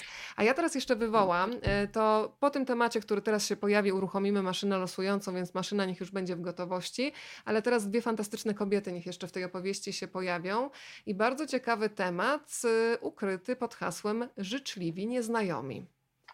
A to jest taki temat o tym, czy samotność na pewno jest zła i w ogóle jaka ona jest. Yy, Katarzyna Tubylewicz, jak większość z Państwa pewnie wie, mieszka w Szwecji i ona bada e, Szwedów, chodzi do nich, pyta ich, jak to im jest z tą ich e, osobnością, pojedynczością, bo to jest rzeczywiście społeczeństwo, które e, trochę w kontrze na przykład do włoskiego, aż tak nie biesiaduje, aż tak się nie obściskuje, aż tak nie potrzebuje intensywnych, bliskich kontaktów na przykład rodzinnych, żyją w rozproszeniu, spędzają dużo czasu sami, dużo sobie myślą sami do siebie, coś niekoniecznie gadają, e, niekoniecznie świętują. E, No i ona napisała książkę Samotny jak Szwed, która trochę objaśnia, jak, jak z tą samotnością jest w Szwecji, ale oczywiście Szwecja jest dla nas takim, e, takim no, pa- papierkiem lakmusowym, ważnym dla, dla badania różnego rodzaju standardów społecznych, czyli Czyli jeśli gdzieś y, w Europie ma się pojawić właśnie pierwszy minister do spraw samotności albo y, naprawdę jakaś polityka rządowa, która, która ze szczególną atencją traktuje problem e, e, tego odosobnienia niechcianego, to, to pewnie warto patrzeć na Szwedów i na Szwecję i, i sprawdzać, jak oni sobie z tym radzą. A z kolei Oktawia Kromer jest młodą reporterką, która nas zaskoczyła książką e, Usługa czysto platoniczna i to jest z kolei opowieść o tym, że na samotności można zarabiać. Oczywiście na cudzej samotności można zarabiać, świadcząc różnego rodzaju usługi, dostarczając różnych rzeczy, e, substytutów bliskości. No i to są takie dwa aspekty. E, dwa aspekty rozmawiania o tym, co to znaczy być sam, samemu. E, wydało nam się, że wydało nam się istotnym rozmawiać o tym teraz, kiedy wszyscy w jakimś sensie zaznaliśmy więcej samotności na skutek pandemii, kiedy wróciły poważne wątki rozmów o tym, czy możemy lepiej dbać o starszych członków społeczeństwa, czy jesteśmy w stanie ratować się nawzajem przed samotnością, czy ufamy swoim sąsiadom na tyle, żeby, e, żeby mogli nam pomóc, kiedy siedzimy na kwarantannie, czy ufamy im na tyle, żeby pożyczyć od nich szklankę cukru, czy już nikt tego nie robi, bo woli pojechać w nocy do całonocnego sklepu i kupić to e, w kasie samoobsługowej, nie rozmawiając z nikim. Także to będzie rozmowa o samotności, ale to będzie, to będzie też rozmowa o tym, na ile możemy liczyć na siebie nawzajem, mimo że się nie znamy. Ten tytuł ja zaczerpnęłam z e, tramwaju zwanego pożądaniem i, mm-hmm. i oczywiście z tego słynnego zdania głównej bohaterki, która mówiła o tym, że zawsze mogła liczyć na życzliwość nieznajomych. No pytanie, czy my naprawdę możemy i czy my jesteśmy dla innych tymi nieznajomymi, na których mogliby liczyć. Wiesz, co sobie teraz pomyślałam, Paulina, że ty w ogóle jesteś świetnym adresem dla wielu pisarzy, a wielu mi mówi o tym, że oni mają zawsze największy problem z tytułem dla książki. I mają już całość, a potem nie wiedzą w ogóle, jak to wszystko zatytułować, pod jakim tytułem to schować i wtedy powinni zadzwonić do ciebie, a może ty już takich, takie usługi świadczysz, co? Nie, moja droga nie świadczy, natomiast Anna Król mi podpowiada tytuły moich książek na przykład. Także e, widzisz, widocznie tutaj trzeba do jakiegoś życzliwego znajomego lub nieznajomego się udać w sprawie i to jest wspaniała właśnie ilustracja tego, jak bardzo siebie potrzebujemy, swoich umysłów, wyobraźni, no i właśnie życzliwości. I Ania, chciałam zaznaczyć, nie pobiera tantiem od tych tytułów, to jest które mi pomaga szlachetne. wymyślać. Szczególnie w tym biznesie. Moi drodzy, to teraz bardzo życzliwie uruchamiamy maszynę losującą. Dadam, dadam, czyli wśród tych wszystkich, którzy dali losowi szansę i wpisali tutaj hashtag Big Book y, Festival. E, rosną emocje i zaraz zobaczymy, do kogo trafi festiwalowy kubek e, z hasłem przewodnim tej edycji festiwalu, czyli jeszcze będzie najpiękniej, tak? No to ruszamy maszyną. Co za emocje. Rany, jakie to świetne. Wow! Nie wiedziałam, To że takie maszyna jest. Tomasz Czuję się jak w totolotku. Ja Czuję się też. jak w totolotku. Uruchomiliśmy bęben maszyny losującej. I proszę bardzo, mamy tutaj Zwyciężczynie czy zwycięzcę na marginesie dnia? Dziewczynę. Proszę. Uwaga, to jest ktoś, kto był razem z nami na YouTubie, więc od razu bardzo proszę, żeby odezwać się do mnie mailowo pod adresem rozmawiam, bo lubię małpa gmail.com. Ja odpiszę, ustalimy szczegóły. Ja prześlę adres oczywiście dziewczynom do Big Book Cafe i będzie można już zadać szyku z Bardzo serdecznie pozdrawiamy, bo y, ja, ja troszkę wiem, e, kto się kryje pod tym. E, tak? Y, tak. Y, I ten ktoś nas bardzo lubi i my też tego kogoś lubimy. Hmm, a czy my możemy, y, możemy zdradzić, czy nie możemy? Nie możemy, tak? No, na marginesie no dnia, niech będzie na marginesie się, dnia. Ktoś się tak schował za Po to się schował, żeby go nie rozszyfrowywać, prawda? Mhm. Dobrze, to ja Tak, czasami to jakieś wiesz- logiczne myślenie tutaj To, to tak wykaże jakby, się nim, więc... tak, to tak jakby prosić Malcolma XD, żeby powiedział, kim jest naprawdę. Nie można, bo to, on może być sobą tylko jeśli uruchamia swoje pseudo. Oczywiście, że tak, ale tutaj zrobiłaś dwa w jednym, Paulina. Mówiąc o Malcolmie, ja już teraz szukam odpowiedniego plakatu, który zapowiada kolejne e, wydarzenia. Czyli tutaj mm, jeden pan w zasadzie w dwóch odsłonach, tak to pięknie wygląda na plakacie. Człowiek, który się składa z dwóch osobowości, a tak naprawdę dwóch panów, który, którzy łączą swoje siły. Próba czytana Polska oczami Malcolma XD, Mateusz Janicki i Michał Czernecki. Opowiadajcie więcej. I do tego jeszcze Wiktor Loga Skarczewski i Dominik Strycharski. No to jest takie kombo kombo e, komediowe, ale tak naprawdę tekst wcale nie jest aż taki śmieszny. Może zacznijmy od wyboru tekstu. Rzeczywiście ten Malcolm XD e, i jego teksty, opowiadania mm, o nas, o Polsce, o rzeczywistości, która nas otacza. E, one wychodziły w tomach zatytułowanych innymi Edukacja czy Emigracja, ale tak naprawdę to były tylko preteksty do tego, żeby opowiadać o Polakach w różnych e, sytuacjach. E, to jest taka literatura, którą czyta się i się zaśmiewa, ale jak już się zaśmiewamy i prawie dusimy, to sobie wtedy myślimy, o kurde, to wcale nie jest śmieszne. Więc, więc raz, że panowie sięgają do tekstów Malcolma, ale dwa, że biorą udział w eksperymencie, którego jestem autorką tego pomysłu i zawsze marzyłam sobie o tym, żeby namawiać artystów do tego, żeby trochę zdradzali, jak pracują. E, I to zawsze mnie też osobiście się wydawało jakieś takie fascynujące. E, trochę jak Twoje pytanie dotyczące tego, czy Paulina robi coś w Excelu, czy nie, bo to zawsze nas jakoś tak ciekawi, co jest pod tą podszewką. E, I, i tak jest dokładnie w przypadku tej próby czytanej.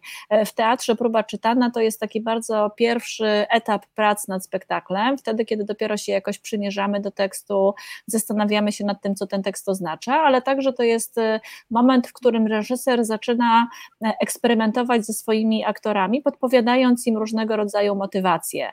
E, I to, co w tej próbie możemy zobaczyć, to między innymi, jak bardzo zmienia się tekst, jak znaczy, zmienia się znaczenie tego tekstu, i czasem wystarczy to, czy aktor się uśmiechnie, czy może się skrzywi. To oczywiście jest taki bardzo uproszczony, e, uproszczona metafora, ale, ale ona myślę, że dobrze też opowiada o tym, jak bardzo warsztat aktorski i taka precyzyjna przemyślana, dobrze ukierunkowana praca reżysera e, mogą e, jednym ruchem odmienić też nasz e, odbiór tekstu, więc o tym jest ta próba czytana.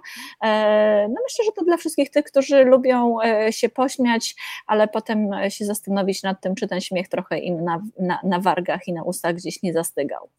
Ania, ty tak mówisz, a, a to ja tylko do, do, dodam, że to będzie jazda bez trzymanki to wydarzenie. To znaczy a, ci dwie aktorzy absolutnie nie, nie trzymają się żadnych granic, oni po prostu wariują, oni są gotowi na wszystko, to będzie strasznie śmieszne, ale też y, takie niepoprawne, więc to, to chyba jako jedyne wydarzenie Big Booka się nie nadaje dla, dla dzieci, e, dlatego że, że to jest po prostu dwóch chłopaków, którzy rozrabiają na scenie, a reżyser ich tylko podjudza, także to, to jest e, naprawdę warto to zobaczyć, bo oni będą wychodzić z siebie i stawać obok.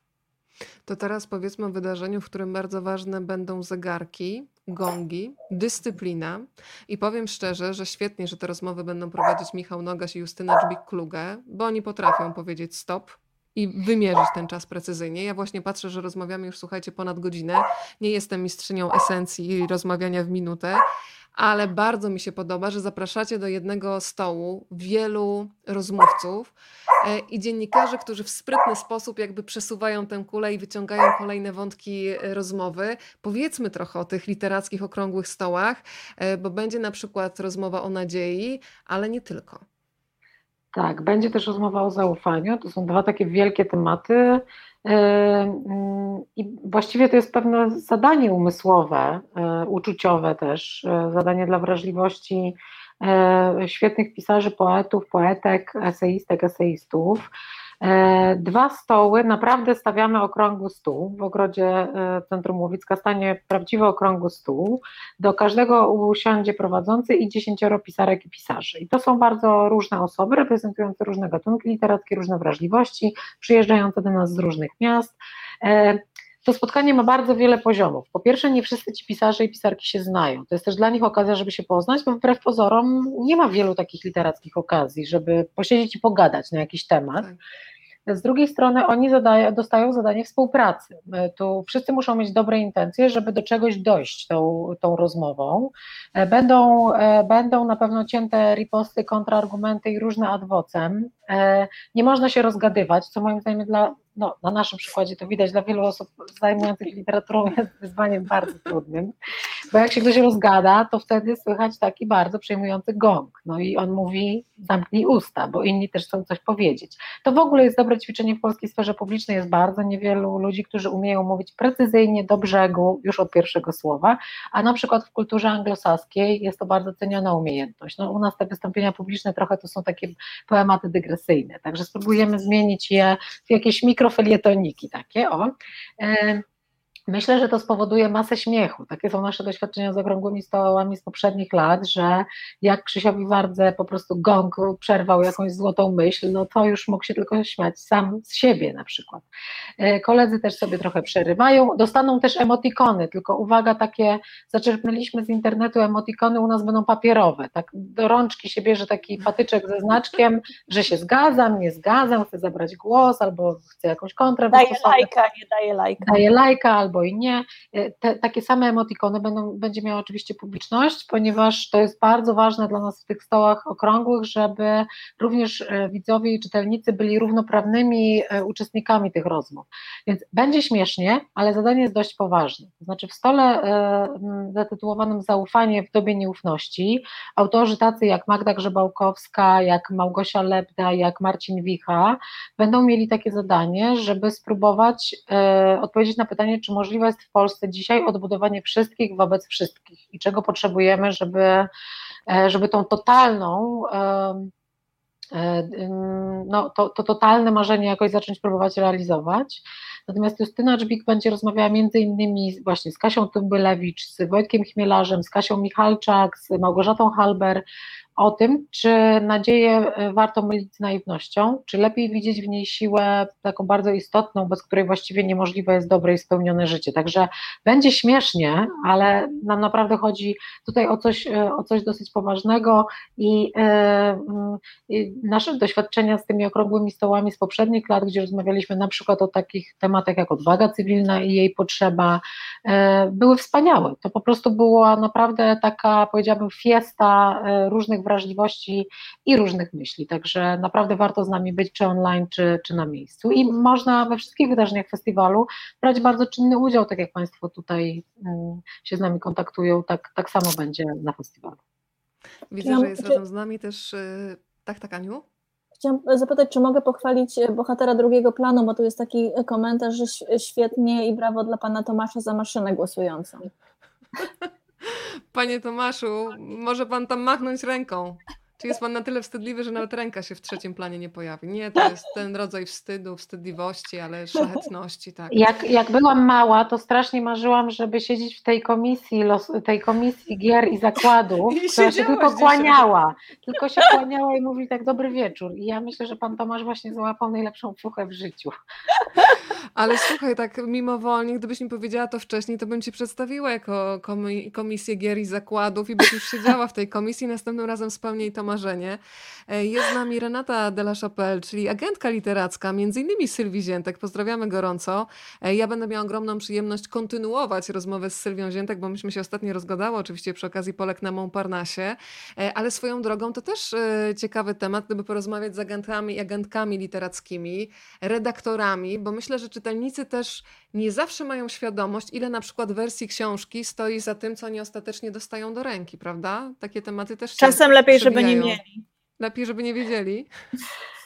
Czasem, że lepiej, żeby nie wiedzieli, ale rzeczywiście czytasz w naszych myślach, bo myśmy y, rozważały na przykład, czy y, do, do rozmów o książkach i o tym, jak, y, jak się pisze, jak się czyta, na przykład nie zaprosić korektorek, które są wspaniałe, O. ponieważ czytają na potęgę i naprawdę wiedzą wszystko na skutek tego nadmiernego czytania. E, No i proszę bardzo, już nam się tutaj rodzi pomysł na dziesiątą edycję Big Booka za rok, także dobrze, coś takiego zakulisowego już tytuł? E, nie, za chwilkę wymyślę, tylko spojrzę w Excel, bo mnie tak inspiruje, że, że muszę mieć jakąś tabelkę, ale to jest w ogóle bardzo ciekawe, jak wielu agentów e, byłoby skłonnych dzielić się tajnikami swojego zawodu, bo jest to zawód dość sekretny i przez niewielu w Polsce uprawiany. To prawda, w Polsce tych agentów jest niewielu, z tym się zgadzam, więc tym bardziej ta wiedza sekretna e, jest czymś, co, co bardzo człowieka interesuje. E, Otworzyłaś tutaj, słuchaj, puszeczkę z dziecięcymi marzeniami. Pani Małgosia napisała, że ona chciała być tą dziewczynką, która losuje. Więc ja może nie wiem, będzie jakieś Ja zawsze chciałam być zwycięzcą, ten, dla- którego wylosują. Ale słuchaj, znałaś zwycięzcę się okazało i wcale to nie było ustawione. Tym bardziej, Nie. że, drodzy Państwo, ja się bardzo cieszę, bo wcześniej, kiedy były konkursy na zasadzie, który mail do mnie wpadnie do skrzynki, to Państwo nie mieli żadnej kontroli nad moją skrzynką, ale cieszę się, bo działała też zasada zaufania. Ale pomyślałam, że kiedy wszystko jest takie transparentne i ta maszyna losuje, to faktycznie jest to lepszy pomysł, więc teraz już tylko z maszyną losującą się tutaj A spotykamy. propos, tej, a propos maszyny i zaufania, tylko powiem Państwu, że będzie też jeszcze spotkanie na festiwalu o, zatytułowane Czy jeszcze będą z nas ludzie? Właśnie y, o tym, y, czy my bardziej ufamy sobie, czy maszynom, o tym, kiedy nasze mózgi zostaną wyeksportowane do komputerów. No bo ciekawej, ciekawej rzeczy w ogóle dotknęłaś, że jesteśmy skłonni ufać procedurom i maszynom, a sobie nawzajem troszkę gorzej. To dużo będzie Ale wiesz co, ja mówiłam ostatnio Tomkowi o tym, że pamiętam tę edycję znowu ściankową, kiedy najpierw się schodziło z góry za sekuracją, czyli wiedziałaś, że ktoś Mhm. na dole trzyma linę i trzeba się było nagle odepchnąć od ściany i po prostu wyluzować i zjechać na dół. I to mi przychodziło z jakąś lekkością, natomiast kiedy wiedziałam, że tylko to jest taka ta, ja nie wiem jak to się fachowanie nazywa, autoasekuracja. Trublu. Trublu, czyli prawdziwa, e, to, czy to aut, autoasekuracja, tak. To, to powiem Ci, że to było dla mnie przerażające, że ja mam zaufać jakiejś maszynie i zdecydowanie lepiej się czułam, kiedy na dole stał człowiek No. i to też mi dało Masz zdrowe serce, Weronika, po prostu. A, no to dobrze. To teraz też pokażmy chłopaków na pewno ze zdrowym sercem, tym bardziej, że jeden z nich ostatnio otrzymał nagrodę. Myślę oczywiście o Grzegorzu, Grzegorz Piątek i Zygmunt Borawski. Jeszcze pod, rozmowa pod hasłem Sen o Warszawie, czyli architekci w akcji, tak? Tak, dwóch architektów w akcji, trochę na, ale właściwie to już będzie chyba ostatnie takie tematyczne spotkanie e, festiwalu na jego zamknięcie w niedzielę. E, Obaj architekci, czyli Grzegorz Piątek i Zygmunt Borawski, piszą. Zygmunt e, pisuje do, do właśnie różnych czasopism, przez jakiś czas był szefem działu architektury w przekroju.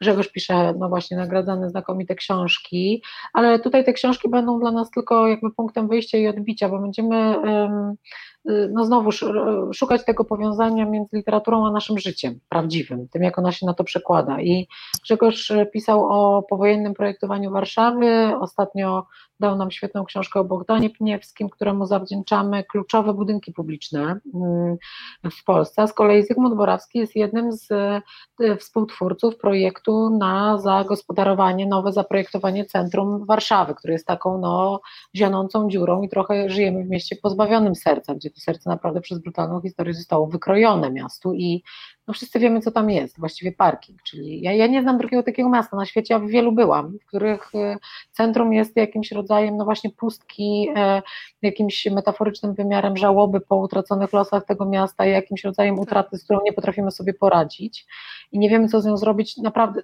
w sensie ścisłym, jak by powiedział, od, od dawna. I obaj ci architekci, którzy są tak y, czuli na słowa i też bardzo oczytani, no, porozmawiamy z nimi o tym, co to właściwie znaczy dobrze projektować przestrzeń publiczną i jak bardzo właśnie od tego, kto to dla nas robi, y, w jakiej atmosferze politycznej, z jakimi intencjami, jak bardzo to kształtuje to, czy my potem umiemy razem współistnieć w tej przestrzeni. I to znowuż jest jakiś aspekt tego zaufania do siebie w, w życiu publicznym. Zresztą o zaufaniu w projektowaniu będzie też mówił Marcin Wicha w tym okrągłym stole literackim, jak go zapytałam, czy miałby coś do powiedzenia o zaufaniu, no od, od razu powiedział, że mnóstwo. Na przykład jak to się dzieje, że ufamy komuś, kto zaprojektował dla nas krzesło, że z niego nie Mhm. spadniemy. Okazuje się, że Mhm. musimy mieć dla sie, wobec siebie niewyobrażalne e, fale zaufania, żeby w ogóle istnieć w, ze sobą na co dzień, no, w bycie tak złożonym, jakim jest miasto. Także ja jestem pewna, że to będzie fascynująca rozmowa.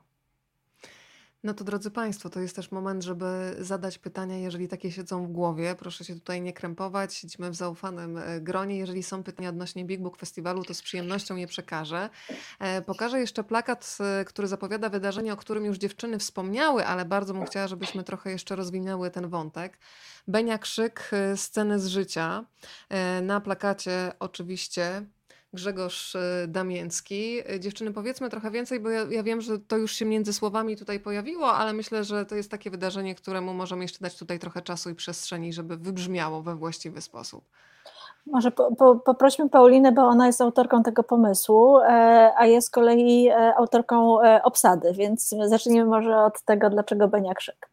To ja powiem, dlaczego się tak zaczęło. No bo to może trochę dziwić. Izaak Babel, który stworzył literacką postać Beni Krzyka e, w opowiadaniach budeskich. E, pewnie nie jest jakimś oczywistym wyborem, bo my się skupiamy w dużej mierze na literaturze współczesnej, ale jak się pewnie Państwo zorientowali, zarówno start tego festiwalu, jak i koniec to jest jakieś odwołanie do literatury, którą już możemy uznawać za klasykę. No i to jest jakoś dla nas chyba strasznie ważne, żeby nie być festiwalem doraźnym, żeby szukać tych, tych głębszych sensów e, i jednak widzieć literaturę jako taką wielką, snującą się opowieść, pełną, pełną nawiązań i, i odniesień. Ja e, przeczytałam mm, opowiadania odeskie dzięki temu, że mi polecił je człowiek starszy ode mnie o całe pokolenie. Myślę, że nie trafiłabym na genialne książki Izaaka Babla, gdyby właśnie ktoś nie przekazał mi takiej mądrości, bo ja należę do generacji wychowanej w kulturze anglosaskiej e, i ponieważ obowiązek ideologiczny nie zmusił mnie do czytania literatury rosyjskiej, to pewnie bym tę książkę przeoczyła, gdyby nie jakiś dobry duch. Pewnie wielu z Państwa ma takich przyjaciół, którzy dobrze doradzili i odmienili Wasze życie, bo podsunęli jakąś książkę. Dla mnie opowiadania odeskie są jednym z najsilniejszych e, w życiu olśnień. Nigdy nie czytałam niczego, co jest podobne do języka Beni Krzyka e, i nigdy pewnie już nie przeczytam. E, mogę czytać to na okrągło. Przepiękny język, wspaniale też przetłumaczony przez Jerzego Pomianowskiego na polski. Język, który mógł istnieć tylko w takim mieście, jakim była Odessa na początku XX wieku, w tyglu wieloetnicznym, dla którego Żydzi byli bardzo istotnymi bohaterami. Beniakrzyk był królem półświadka, był po prostu gangsterem i złoczyńcą, ale facetem z zasadami, który mm, no, kierował się jakąś wewnętrzną logiką. Ja sobie lubię myśleć o nim e, takim skrótem myślowym, że to jest taki trochę ojciec chrzestny tylko, tylko w tej Odessie i w trochę mniejszym imperium niż ten Mario, stworzony przez Mario Puzo. E, mm, I e, to jest dla mnie opowieść o bardzo wielu rzeczach, ale między innymi o tym, że żadna władza nie trwa. Ja w tym widzę fenomenalną przestrogę. Zawsze jakiegoś króla strąci nowy król i wyciągnie kozik i tak samo brutalnie go sprzątnie, jak brutalny był, był e, ten poprzedni. Ale hmm, chyba najpiękniejsze, co w tej książce jest, to że okazuje się, że możliwe jest zapisanie jakiegoś czasu e, e, i kultury, a historia miast jest czymś niesłychanie ulotnym. One są jak palimpsesty i same się przepisują nowymi wersjami, wciąż i wciąż od nowa. No i jest to piękny przykład właśnie literackiego zmyślenia, bo Benia Krzyk nigdy nie istniał, ale istnieli Wataszkowie do niego podobni i ich właśnie Izaak Babel e, uwiecznił. I wreszcie to jest opowieść o tym wszystkim, czego już nie ma, o światach, które odchodzą. To ode mnie ostatnie dwa pytania. Państwo mogą dorzucić swoje. Chciałam jeszcze pewnego dżentelmena tutaj wprowadzić, e, jednego z gości zagranicznych. E, pełny e, repertuar festiwalu mogą Państwo znaleźć na stronie Big Book Festiwalu, do czego zachęcam, bo my oczywiście podsycamy apetyt, ale nie jesteśmy w stanie powiedzieć wszystkiego i całe szczęście zostawimy Was z niedosytem.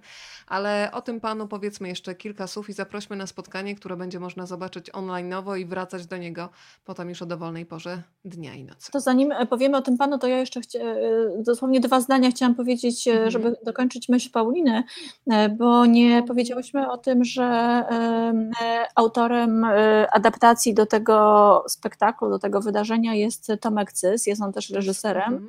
Mhm. Przy muzyce Pawła Szamburskiego i z udziałem Grzegorza Damięckiego.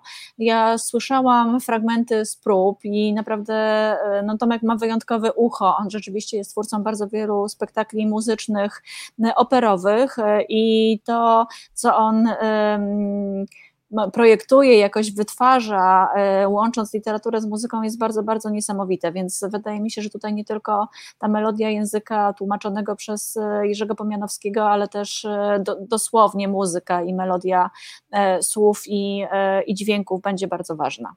I wiem, że przy okazji tego wydarzenia też współpracujecie z miejscem, które też bardzo lubię i cenię, czyli z Centrum Polsko-Rosyjskiego y, Dialogu i Porozumienia. No, i porozumienia bardzo gorąco dokładnie. z tego miejsca tak y, pozdrawiam. Tak, pozdrawiamy.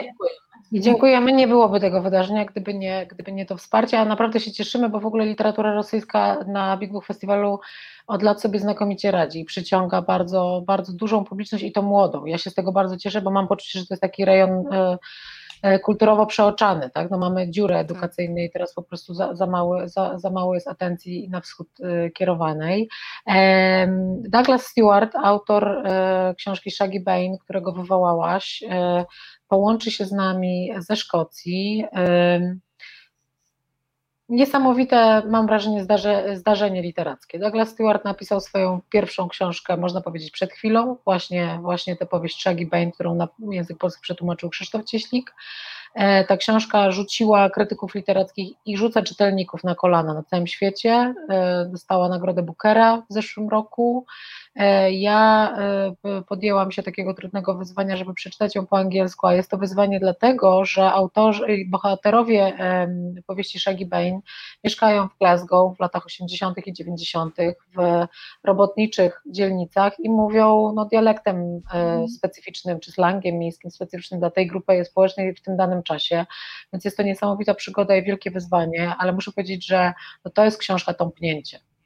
Przeczytać książkę, aż, mi, aż mnie ściska w gardle, to jest książka o absolutnej beznadziei i o tym, że w tej absolutnej beznadziei jest miłość. Y, I właściwie więcej nie ma, nie ma sensu mówić. To jest o tym, jak nisko można upaść i jak na dnie cały czas migoczą wielkie uczucia i ludzie pozostają zdolni do kochania. To jest porażające czytanie, naprawdę. Także nie wiem, co nam powie Douglas Stewart. Y, nie wiem, jak on będzie o tym opowiadał, ale, ale myślę, że to fenomenalne w ogóle móc się z nim spotkać i wiem, że to będzie jego jedyne, jedyne spotkanie z polskimi czytelnikami, bo jest to autor absolutnie rozszarpywany przez, y, przez publiczność na całym świecie w tej chwili. Mam nadzieję, że wiesz, tak nie rozszarpiecie na kawałki. Będziemy składać portret człowieka z takich puzli rozsypanych. Tak. to, jak powiedziałaś już o tej książce, powoduje, że to jest. Y, mam wrażenie, że ta moja mm, konstrukcja książkowa przy łóżku zmieni kolejność i będę musiała przerzucić na górę, bo powiedziałaś to w taki sposób, że wyczuwam, że muszę po prostu przeczytać, chociaż się trochę boję, że skoro mówimy o tym rozszarpywaniu, że po lekturze człowiek jest chyba trochę taki Boli, to no, bardzo boli, bardzo boli ta książka. Dobra literatura zawsze boli. Tak. To prawda. A kultura nie boli. Kultura nie boli. Jak pięknie tutaj wplatają dziewczyny nazwę fundacji, która odpowiada oczywiście za Big Book Festival. Ja na koniec muszę się też z wami podzielić taką radością. Może to jest egoistyczne, ale jednak bardzo się ucieszyłam. Patrząc też na całą masę fantastycznych dziennikarzy, z którymi się nie widzę na co dzień, a podczas Big Book Festiwalu będzie przynajmniej okazja, żeby przybić piątkę, chociaż tak na chwilę gdzieś w przelocie, bo zobaczyłam, że będzie i Ania Sańczuk, i Justyna Dżbik-Kluga, o której już wspominałam, będzie Michał Nogaś, widziałam Maćka Ulewicza, bardzo się cieszę, że będzie Łukasz Wojtusi, którego Alfabet Wojtusika Dokładnie. jako podcast niedawno odkryłam i polecam Państwu z całego serca, bo z przyjemnością, kiedy biegam albo spaceruję, to z Łukaszem właśnie w uszach ostatnio. Więc mnóstwo też fantastycznych ludzi, którzy kochają książki i my na co dzień no, pracujemy w przeróżnych światach i rzadko się jakoś nam te drogi przecinają. A podczas festiwalu to muszę Wam powiedzieć, że to jest też frajda dla prowadzących, że jest czas, żeby przynajmniej kilka słów o książkach, ale też po prostu o życiu e, zamienić. Powiedzcie jeszcze trochę, czy wszyscy wszyscy mówili tak, z tych, których zapraszałyście do, do spotkań. No ba. jest? Kulisy, ba. no ba. Chyba, że jechali na dawno zaplanowane wakacje, co w tym roku przyjmowałyśmy z wyjątkową wyrozumiałością, e, bo byli wypuszczeni i bardzo nas przepraszali i się kajali zazwyczaj. No cieszę się, że, że, że, że tak, tak to widzisz, bo od początku zależało nam, żeby robić bezpretensjonalny festiwal, na którym i czytelnicy, i wszyscy, którzy przychodzą do pracy, mają radość e, takiej wymiany i wszyscy wychodzą z czymś, że nikt nie wychodzi spracowany i umęczony, tylko wszyscy jakoś ubogaceni i tacy pozytywnie e, dostymulowani. No a w tym roku nam tym bardziej zależało, żeby sprowokować jak najwięcej okazji do indywidualnych spotkań, dlatego bardziej postawili, postawiłyśmy na program polski. To też po prostu dlatego, żeby jak najwięcej dawać okazji do uśmiechów.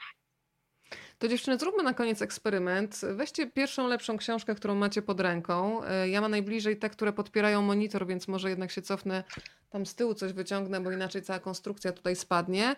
Trzecie zdanie od dołu, które będzie taką wróżbą festiwalową. Zobaczymy, co nam e, tutaj no gwiazdy piszą. Słuchajcie, ja wyciągam, ja wyciągam spod komputera, mam Agatę Christie 12 prac Herkulesa. To czekajcie, ja na chwilę was nie będę słyszeć. Nie, no ja mam w ogóle krótką historię jednego zdjęcia, miałam najbliżej. O, dobra, to ja się wyciągam i to ja mogę na przykład. Wezmę co? Co dziewczyny mam wyciągnąć? Bo mam bezmiar, mam tutaj Sztokholm, mamy Sztokholm. Nogasia. Sztokholm, no to biorę Sztokholm. Ale które zdanie od dołu mamy czytać? Trzecie. Trzecie Trzecie od dołu. Jest Sztokholm, słuchajcie. A swoją drogą dziewczyny pomyślałam, jak dobrze, że mam spódnicę, bo to wiecie, jak teraz niektórzy robią transmisję, Tak. że jest tylko, wiesz, plan amerykański, a tutaj krótkie spodenki lub jeszcze, jeszcze dobrze, nie będę wchodzić w te... No, e, Słuchajcie, e, ja muszę zacząć, bo ja uważam, że to jest idealne, e, idealna puenta. Trzecie zdanie od dołu brzmi: Nie można było dłużej. Zrozumiałam. To ja nie wiem, czy w ogóle mam otwierać swoją książkę. Chyba już zamknę.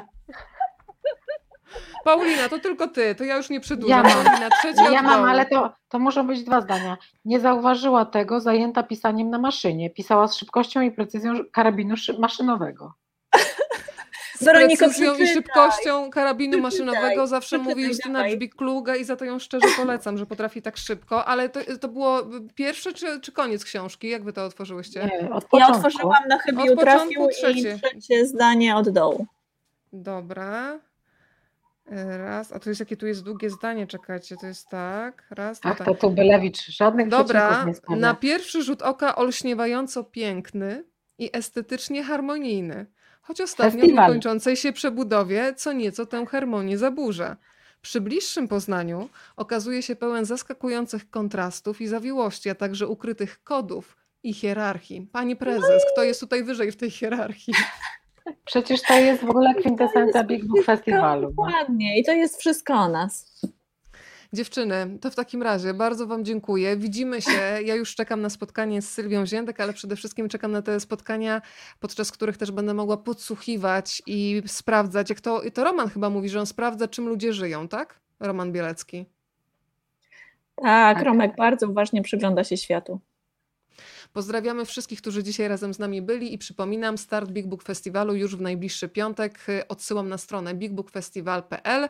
Tam szczegóły, a teraz już życzę pięknej nocy i co? Wszystkie idziemy na spacer z psami, bo to już chyba ich czas. Dokładnie, to jest ten czas. Absolutnie, a potem czytamy do Uściski- poduszki. Uściski dla łateczki, e, pozdrowienia dla Ryszarda i Bułki.